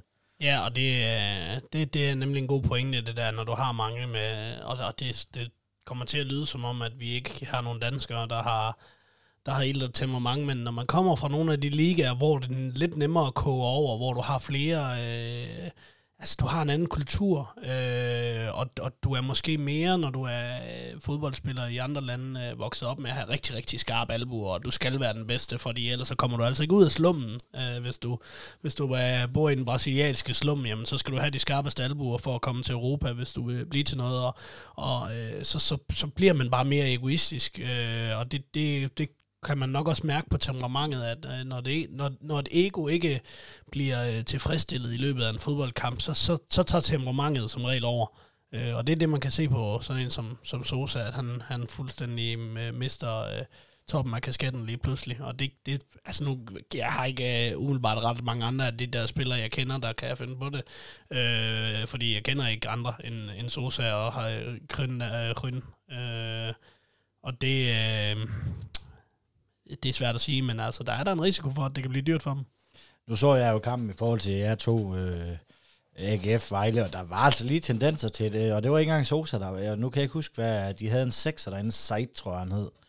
Der var altså lige nogle tendenser til, at øh, jamen, havde, havde, havde der stået 3-3 i det 90. 20. minut, så kunne, han godt have, kunne man godt forestille sig, at han havde ført den der arm helt igennem, eller det spark helt igennem, hvor han lige trillede rundt, øh, som man har set nogle gange. Øh, så det bliver også spændende at se, om øh, Konstantin Galka, han kan, han kan styre det der, fordi at, øh, når han først har sat den på banen, det der ilter til mange af det bliver svært at, svært at styre, tror jeg. Også fordi han selv er en, en relativt ilter mand, ikke? Altså, det er ikke fordi, øh, han lige får, får dæmpet gemytterne, øh, og det samme med Glenn, for den sags skyld. Han har jo også et ilter temperament, så når der sådan noget sker, så lever de så ind i kampen, så skal man have Kent Nielsen eller et eller andet, hvis man skal have nogen til at styre dem der øh, på den måde, men det er jo bare en del af Vejle, øh, og... Øh, det kan komme dem til gode, og det kan, det kan gøre rigtig ondt på dem, men øh, jeg tror, hvis jeg skulle vælge et tidspunkt at spille mod Vejle på udebane, så er det øh, på søndag og ikke senere i sæsonen, for der er jo en chance risiko for, at de finder hinanden i Superliga, på et Superliga-niveau med, med mange af de her dygtige individualister. Det må tiden vise, men øh, det har de jo i hvert fald ikke bevist i aften, at de, øh, at de har endnu. Men der er vel heller ikke tid til det her. Nu taber de den første kamp, altså man plejer altid at sige oprykker. Det, de skal leve på, det er den der oprykker gejst. Den har de næsten allerede tabt i dag, da de bliver spillet ud af brættet de første 20 minutter. Ja, især hvis, øh, hvis, hvis, hvis de også taber til Sønderjyske, som ikke er et af øh, altså de formodede tophold i, i, i Superligaen, jo, så, så er der allerede tabt rigtig, rigtig meget for Vejle, og du har fuldstændig ret i, at den her opryk, oprykningsgejs, især, især hvis man er et hold, der bliver stillet mange spørgsmålstegn ved, i forhold til, hvordan de er sat sammen, og, og, og man svinger prædikater som lotto kupon og hvad skal vi forvente, og så videre, og så videre, så kan det være hurtigt være noget, der sætter sig i sådan en trup, jeg tror. Øhm, så bestemt, og det, det er sikkert også noget, Glenn han nok skal adressere for, øh, for Sønderjysk, at det skal være, at, øh, at, at det er allerede, i forhold til, at det kun er anden spillerunde, så er det allerede en, et ret øh, optegnet narrativ i forhold til, der, der er et hold, der kommer med øh, sprængfyldt med selvtillid, og et hold, der, der kommer med en masse spørgsmålstegn. Så det er, det er meget fortælling omkring, øh, om, omkring den her kamp mellem Sønderjysk og Vejle. Oven i det, så har vi jo også øh, tre dages restitution ekstra, øh, og tre dage mere til at arbejde på at blive klar til den her Vejle-kamp nu skal Vejle lige bruge i morgen på at, at finde sig selv igen og finde ud af, hvad, hvad var det, der lige gik galt, og de skal jo nok også lige bruge et par timer til at få det oversat, det Galcha han har sagt, for der er ingen, der forstår det. så, øh, så altså, de er, de er bagud øh, altså ved, ved startfløjt, så, så de skal virkelig levere noget ekstraordinært på søndag, øh, Vejle, hvis du spørger mig i forhold til at kunne, øh, kunne hvis Sønderjyske kan komme med det samme, som de gjorde mod, øh, mod Midtjylland, så, så der tror jeg altså, vi, øh, vi er ret godt stillet. Som sagt, hvis jeg skulle møde Vejle på et tidspunkt i sæsonen, så, så skulle det være nu. Vi snakkede om i sidste, øh, sidste gang i studiet, om, om Midtjylland og det her med, øh, med de havde en, øh, en Europakamp. Det har vi fire dage efter den her mod Vejle. Får det nogen indflydelse overhovedet? Altså, det er jo én kamp, det er ikke to kampe, man skal spille. Øh, man er underdog. Man har Vejle, som er en direkte konkurrent om, om de her nedrykningspladser. Tror du, det får noget... Øh, noget at sige overhovedet, at øh, vi skal i Europa øh, fire dage efter? Ja, det, det, det får helt sikkert en indflydelse, for det handler jo om i forhold til, til prioritering af, af ressourcer, og sådan, men man kan sige, hvor at det for øh, det er mere udslagsgivende for hold som FC Midtjylland og FC København, hvor Europa er en større prioritet. Man kan sige, alt hvad der kommer til Sønderjysk af Europa er en bonus. Alene det, at de har den her kamp, er jo en kæmpe bonus. Det er ikke, hvad man regnede med på noget tidspunkt i løbet af sidste sæson. Øh, så på, på den der baggrund er det jo ikke, er det jo ikke et, et pres på den måde, fordi man intet har forventet, men det, men det får en indflydelse i forhold til at, øh, ja, som sagt, prioritere ressourcerne. Øh, og der kan det være, det her, vi snakkede om tidligere med indskiftningerne, kommer til at, til at få en... Øh, øh, kommer til at få en effekt. Men, øh, men jeg tror ikke, det er noget pres. Jeg tænker umiddelbart også, at vi stiller i noget, der minder om samme startopstilling igen på, på søndag, og så øh, hvis vi får en... Øh, øh, forhåbentlig, det kunne være fedt, hvis vi får en 3-4-0 til pausen, så tror jeg, at der ryger fem udskiftninger i pausen. Øh, fordi at så er det klart, så vil man spare nogle af dem, der er, der er rigtig vigtige øh, i forhold til, øh, til kampen mod, øh, mod Pilsen. Ikke? Det er, som, som Niklas siger så rigtigt, det, det er en bonus. Øh, kan vi få noget med fra Pilsen, så er det fedt, men øh, kan vi slå Vejle... Øh, først, og så slå pilsen, så er det mega fedt. Altså, det, det, er, det, er, det er for mig at se en vigtigere kamp. Øh, jeg ved godt, at det er sådan lidt, det, det er selvfølgelig en, en mere vigtig enkeltstående kamp, men, øh, men jeg tror, havde du spurgt Glenn øh, om, øh, hvad der var vigtigt, om det var øh, 0-0 eller 1-1 mod OB, eller, øh, eller pokalsejren, øh, helt isoleret set, uden at tænke på, hvor fedt det er at vinde en pokalkamp, eller en pokalfinal, så tror jeg, at han vil sige, at det vigtigste, det var, at vi, vi spillede uafgjort med OB, og det tror jeg, han vil sige igen på søndag, at den vigtigste kamp, det er kampen mod Vejle, fordi det er vores levebrød, og øh, 6 point efter to kampe kan virkelig, virkelig betyde meget. Nu har vi snakket om det her med, at øh, vi kender ikke øh, Vejle. Det kan jeg også se i bookmakerne. De er også, øh, de er også svært ved at finde hovedet og held i her Vejlehold. Øh, før Vejles kamp i dag, der var oddsen, øh, ja, hvis vi tager øh, en af odds, så var det 2,65 på, øh, på Vejle, øh, 2,60 på, øh, på os selv. Så en meget, meget lige kamp ifølge oddsætterne her. Det må også være lidt at gøre med, at de ikke rigtig ved, hvor, hvor holdene står. Det er en start af en sæson, tænker jeg. Ja, nemlig. Som sagt, igen det her med, at det er svært at, at vide, hvad, hvad man kan forvente af Vejle. Øhm, det, kan, det kan sagtens være, være et hold, der overrasker på dagen og i perioder af sæsonen. Men øh, øh, de tal, du nævner, der overrasker mig egentlig en del, for jeg vil nok se Sønderjyske som, som relativt større favoritter, både i forhold til form og men også i forhold til trupsammensætning og så videre. Altså Sønderjyske har et bedre sammentømret hold, og øh, ja, lige, lige den her, i, den her, i det her tilfælde er det, er det jo svært at, at måle spillerne op mod hinanden, fordi du kan sagtens tage fem spillere, fra, fra Vejle og hive deres CV frem, og, og så vil der faktisk ikke være mange fra Sønderjyske, der kan kom, øh, konkurrere med det. Som sagt, vi har Alexander Milosevic, som de bare lige henter øh, nærmest ud af det blå, der har svenske landskampe, øh, men som sagt, igen, han er i Vejle af en grund. Øh, så, øh, så øh, jo, jeg vil egentlig have Sønderjyske som lidt større favorit end det tilfælde der. De har så også ændret til efter kampen. Der hedder det så 2,95 på, øh, på Vejle og 2,30 på Sønderjysk. Er det mere, mere tæt på, på sandheden sådan? Ja, det er det vel. Øh, men, men igen, det er svært at spå om. Men det er alligevel det er et udtryk for, at man måske har fået svar på nogle af de spørgsmål, der har været omkring Vejle. Ja, 100 procent. Altså, der er ingen tvivl om, at det har givet bookmakerne noget vidsthed om, hvilket niveau er de rent faktisk på dem her, som, som flere journalister jo udråber til, til guldfavoritter næsten, ikke? En af de ting, jeg egentlig har snakket om under Midtjylland-kampen, det var Albæk og hans, øh, hans hjørnespark. Øh, I sidste sæson, der synes jeg ikke, han sparkede, som hans venstre ben burde. Øh, de var under, under hans standarder, hjørnesparkene. Mod Midtjylland, der sad de bare lige i skabet og var farlige stort set hver gang. De første to mål, øh, AGF scorer mod, øh, mod øh, Vejle i, i, inden for det første kvarter, tror jeg det var, det er, det er på dødbolde. Det er vel også et af det, derfor, at vi synes lidt, at øh, Sønderjyske de er favoritter, fordi at det, der ser vi altså stærkt ud. Der ser ud til, at Lødberg, han har, han har knoklet gennem sommeren for det. Ja, det er, jo, det er jo netop en af hans forsøg, det, det, det er ret nok, at, at det var ikke noget, man sådan... Det var aldrig rigtig noget, jeg lagde mærke til øh, i Åndesbakken og Sønderjyske i sidste sæson, og det, alene det er jo ikke, er jo ikke en ros, fordi øh, hvis det var noget, man er rigtig dygtig til, så har man også lagt mærke til. Det var nemlig noget, man pointerede, at Sønderjyske i, i den her kamp mod Midtjylland var ofte farlige efter, efter, efter hjørnespark og, og de lange indkast, øh, den omkring den sidste, sidste fjerdedel, hvis vi kan tage dem med, øh, Øhm, som jo også var efter det, at øh, det første mål kom, som sagt, efter et, et Kanstrup indkast. Øh, jo, bestemt, altså det er jo bare, når du er et hold, der måske ikke kan spille det mest polerede fodbold, så er det jo bare et vigtigt våben at have, hvis du bliver dygtig til det her. Øh, og baseret ud fra den kamp alene mod Sønderjyske, skulle det godt ligne noget, eller mod FC Midtjylland, skulle det godt ligne noget, som, øh, som måske har brugt øh, den her korte sommerferie på at fokusere ekstra meget på.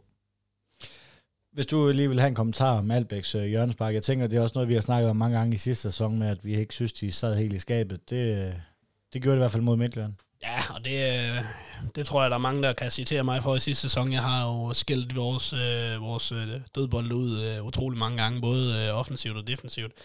Øh, men, men i øh, fredags, der var vi farlige på ja, 8 ud af 10 8 ud af 10, 10 standard situationer øh, med en rigtig god fod for Albæk. Altså Jesper Hansen, han var fuldstændig rådvild inde i øh, Midtjylland-målet i forhold til de her hjørnespark. Jeg ved godt, at når du slår dig ind tæt på keeperen, så skal du selvfølgelig fylde op, men det gjorde vi også, og bolden den lå bare det rigtige sted hver evig eneste gang. Altså Midtjylland skal være glade for, at vi ikke scorer direkte, altså ikke direkte på hjørnet, men at vi ikke scorer på et hjørnespark øh, i løbet af kampen, fordi det kunne, det kunne sagtens have været tilfældet med, med, med den kvalitet, de blev slået med.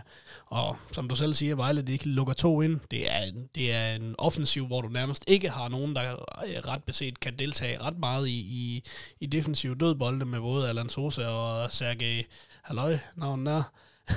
det har jeg givet op på nu. Øhm, øh, som, som ikke kan deltage, øh, og, og generelt tror jeg ikke, deres gennemsnitshøjde er særlig meget. Jeg tror ikke, at de er særlig høje, sådan generelt set Vejle.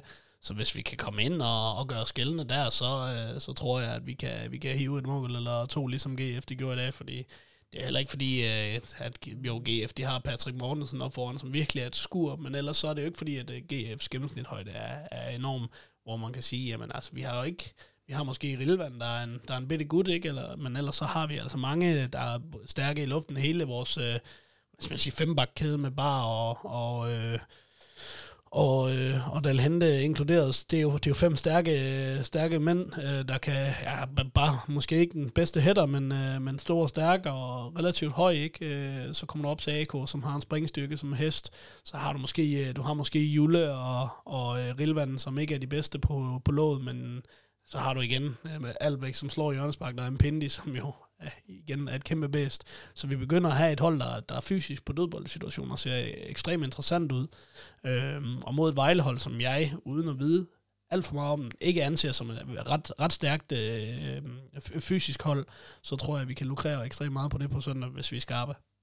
Nej, de har jo Finn Borgerson, som, som startede ude i dag også. Øh, og ham tænker jeg ikke, altså, så I kan bare holde øh, vores trebak kan øh, fuldstændig nede. Øh, han måtte godt øh, hætte den ned og tage den ned, når han var øh, 20 meter uden for feltet, men når han var i feltet, og der kom en høj bold, så var han ikke i nærheden af den. Så ham er jeg faktisk heller ikke så bange for, øh, selvom han nok er deres stærkeste offensiv kort. Jamen det kan jeg egentlig godt forstå, men jeg tror, jeg tror egentlig, at Finn Bogersen mest er et, øh, er et indskifterkort fra, fra Vejle, det, i forhold til, hvad jeg kan se, hvor meget, øh, eller hvor lidt spilletid han efterhånden begynder at få det meste af indskiftene og sådan noget. Det virker som om, at de har kørt ham her, den nye Rafael øh, Dvavena, ind for, som, som ny, øh, som ny primær, øh, primær spiller på, på, på, på den her nier, og øh, skal jeg indrømme, jeg, jeg ved ikke noget omkring øh, om, øh, om ham, i forhold til, om det er fysikken eller noget, der, der hvad hedder det, er hans, øh, hans fyse, øh, hvad hedder sådan noget, øh, force, er det, det var jeg lavede øh, Det er klart, det, er, det vil det være ved Finn Bogersen, men øh, men mindre de overrasker, så tror jeg faktisk ikke engang, at Finn Bogersen han kommer til at starte inden uh, mod Sønderjyske. Det vil overraske mig lidt. Her er det slut et uh, bud på kampens resultat. Uha. Jeg kunne godt forestille mig, at vi vinder 3-1. Jeg kunne godt forestille mig, at det blev, øh, det blev en gengang af, af den første runde. 2-0 til Sønderjyske. Et øh, positivt øh, panel her. Jamen, øh, her, her på falderæbet er der noget, I mangler at få sagt. Øh, jeg har været igennem hele mit manus, så hvis I mangler noget at få sagt, så er det... Så skulle det da lige være. Nu har du ikke taget Fenerbahce med og, øh, og det, øh, så jeg har faktisk øh, forberedt en Fenerbahce og en øh, pivekoncert. Hvis der kommer en Fenerbahce for dig, Søren, der omhandler ret, eller Sport 24, så gider vi ikke høre den. Nej, nej, men min, så, får du, så, får, så får du min Fenerbahce i stedet for. Det er alle... Det var det rigtig gættet, at det ja, var... det var fuldstændig korrekt.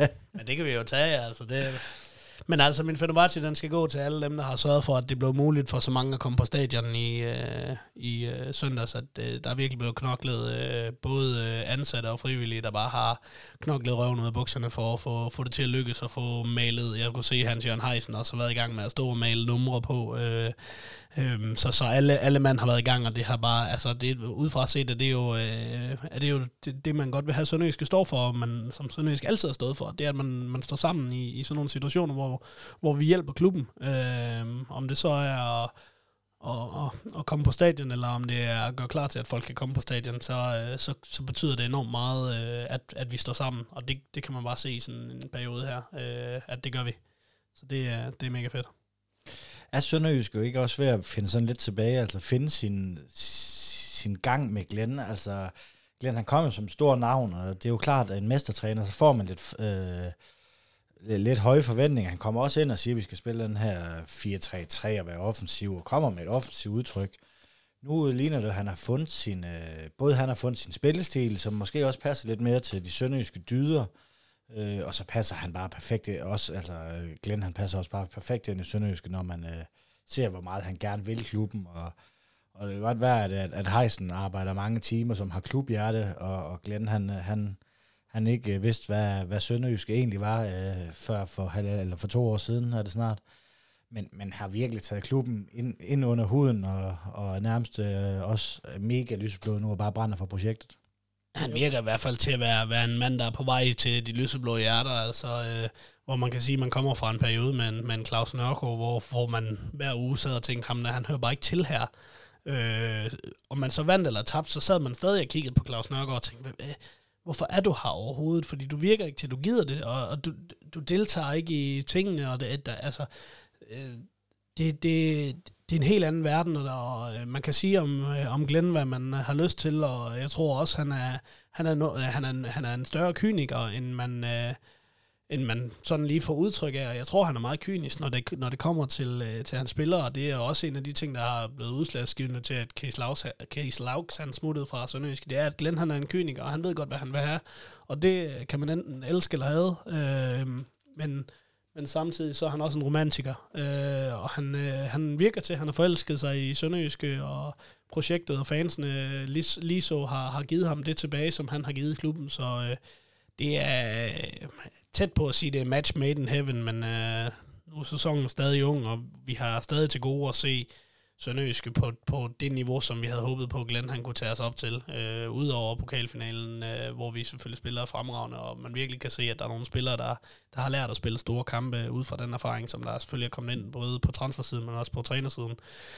Så, øh, så begynder så, så, øh, så, så ligner det et match made in heaven, det her, hvis man kan bygge på fra, fra slutningen af sidste sæson. Øh, med mentalitet og med, øh, med at ture drømme og ture at vinde. Så øh, meget interessant, og øh, jeg er som fan meget, meget tilfreds med, med den træner, vi har lige nu. Øh, øh, tilbøjelig til at sige, at øh, det her det er den bedste træner, vi nogensinde har haft, selvom Jakob Mikkelsen førte os til sølv. Øh, så øh, mentalitetsmæssigt, så er Glenn her ikke for at skulle bruge det som springbræt, og, og allerede er respekt for Jakob Mikkelsen, men der var ingen tvivl om, at han gerne vil videre, han vil gerne ud og større klub og, og flere penge, og det, der, det har der kæmpe respekt for en ung gut, der kommer, øh, som han jo er i, i trænerregi, gerne vil ud.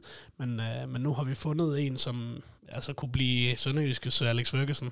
Jeg ved godt, det er, det er voldsomt, voldsomt sagt, men altså, han kan, han kan gå hen og blive en, en, øh, en, en, institution i Sønderjyske, og altså, kan blive en, en kæmpe legende, hvis, øh, hvis han bliver ved med at ville klubben så meget, og resultaterne selvfølgelig følger med. Ja, hvis klubben også vil ham og giver ham de muligheder for at gøre det til et helt støbt projekt, fordi Glenn har været ude og sige mange gange, at, at det er ikke på den korte bane. Altså, han vil ikke lave en overraskelse det ene år, for bare, han vil ikke lave en øh, Lyngby eller en Esbjerg for bronze og så rykke ned.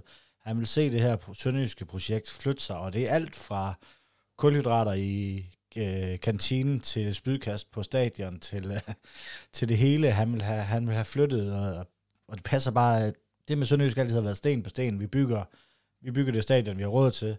Det, det passer bare perfekt til ham, og, og det er jo det, han giver, øh, siger også til medierne hele tiden. Ja, det er det, du køber ind på, når du køber en, en eller henter en træner som, som Glenn. Det er jo et projekt. Han er aldrig sent til at kalde sig det, det, det man kalder en projekttræner. Øhm, man kan sige, at resultaterne skal altid være med, og der hjælper det bare kolossalt meget, at der kommer sådan en, øh, en, øh, en pokaltitel, øh, ikke, ikke ind fra højre. Øh, det vil være at negligere det gode arbejde, der trods alt lå bag, men, men dog trods alt overraskende pokaltitel, som man ikke havde forventet i en sæson, som man bare troede skulle, skulle være færdiggjort, og gerne uden nedrykning på, på vist tidspunkt af sæsonen, og der hjælper det bare kolossalt meget, for nu, nu vil Glenn Riddersholm altid være den træner. Han vil altid stå noteret som den træner, der skaffede den første titel til, til Sønderjyske.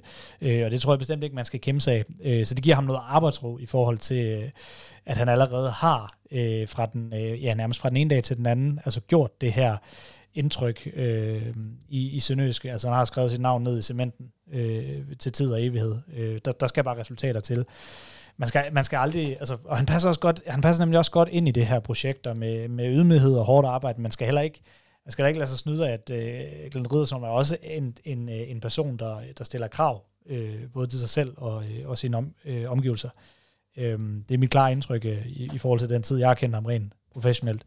Øhm, så, øh, så, så det er jo også noget, sønderjyske øh, fansene skal, skal, skal forvente sig. Så øh, ja, den her overraskelse, og hvorvidt Sønderjyske skal være en overraskelse, nu har han sagt Sønderjyske kan gå hen og blive overraskende i den her sæson, men det er heller ikke det, han vil stille sig tilfreds med. Det skal, det skal vise sig meget, meget øh, spændende i den her sæson, hvordan man bygger videre på den her pokaltitel øh, og så videre, også i forhold til, at han har, han har bosat sig hernede og sådan noget, taler ind i det her, det her projekt.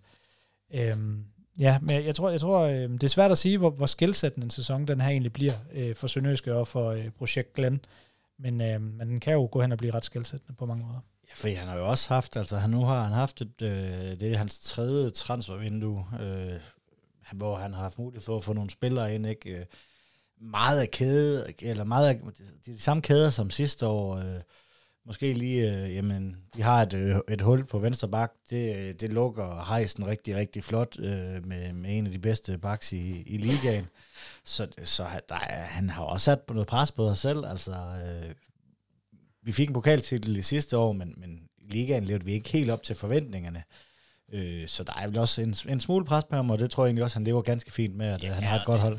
Det er jo altså, selvom, selvom han... Øh, selvom han manede det til jorden, øh, så, så, så, så sagde jeg jo sidst, øh, øh vi snakkede om det her, at øh, han har jo noget magt, og, og magt skal ikke være som sådan et negativt lavet ord, men han har meget at sige, og det, det som du selv siger, det, det skaber noget pres. Øh, når man har meget at sige, og de beslutninger, man gerne vil have, bliver taget, de også bliver taget, jamen så må man, så må man følge op med det, og det må man sige, at det begynder at ligne, at nu, nu følger han op på alle de her krav, som han har stillet til klubben, øh, og øh, klubben har honoreret de krav, og så begynder han forhåbentlig nu, øh, og gjorde det jo allerede med en pokaltitel, at honorere, honorere de her, den her tillid, øh, som, som han er så glad for, og som, som jeg også synes er, er enormt vigtigt Øh, hvis det var mig, øh, der var træner, ville jeg jo også synes, det var forfærdeligt at skulle kigge mig over skulderen hele tiden. Øh, øh, og, og der er der bare fra, på grund af også det store arbejde, han ligger i klubben, altså der er bare noget mere, der er bare noget mere snor, Øh,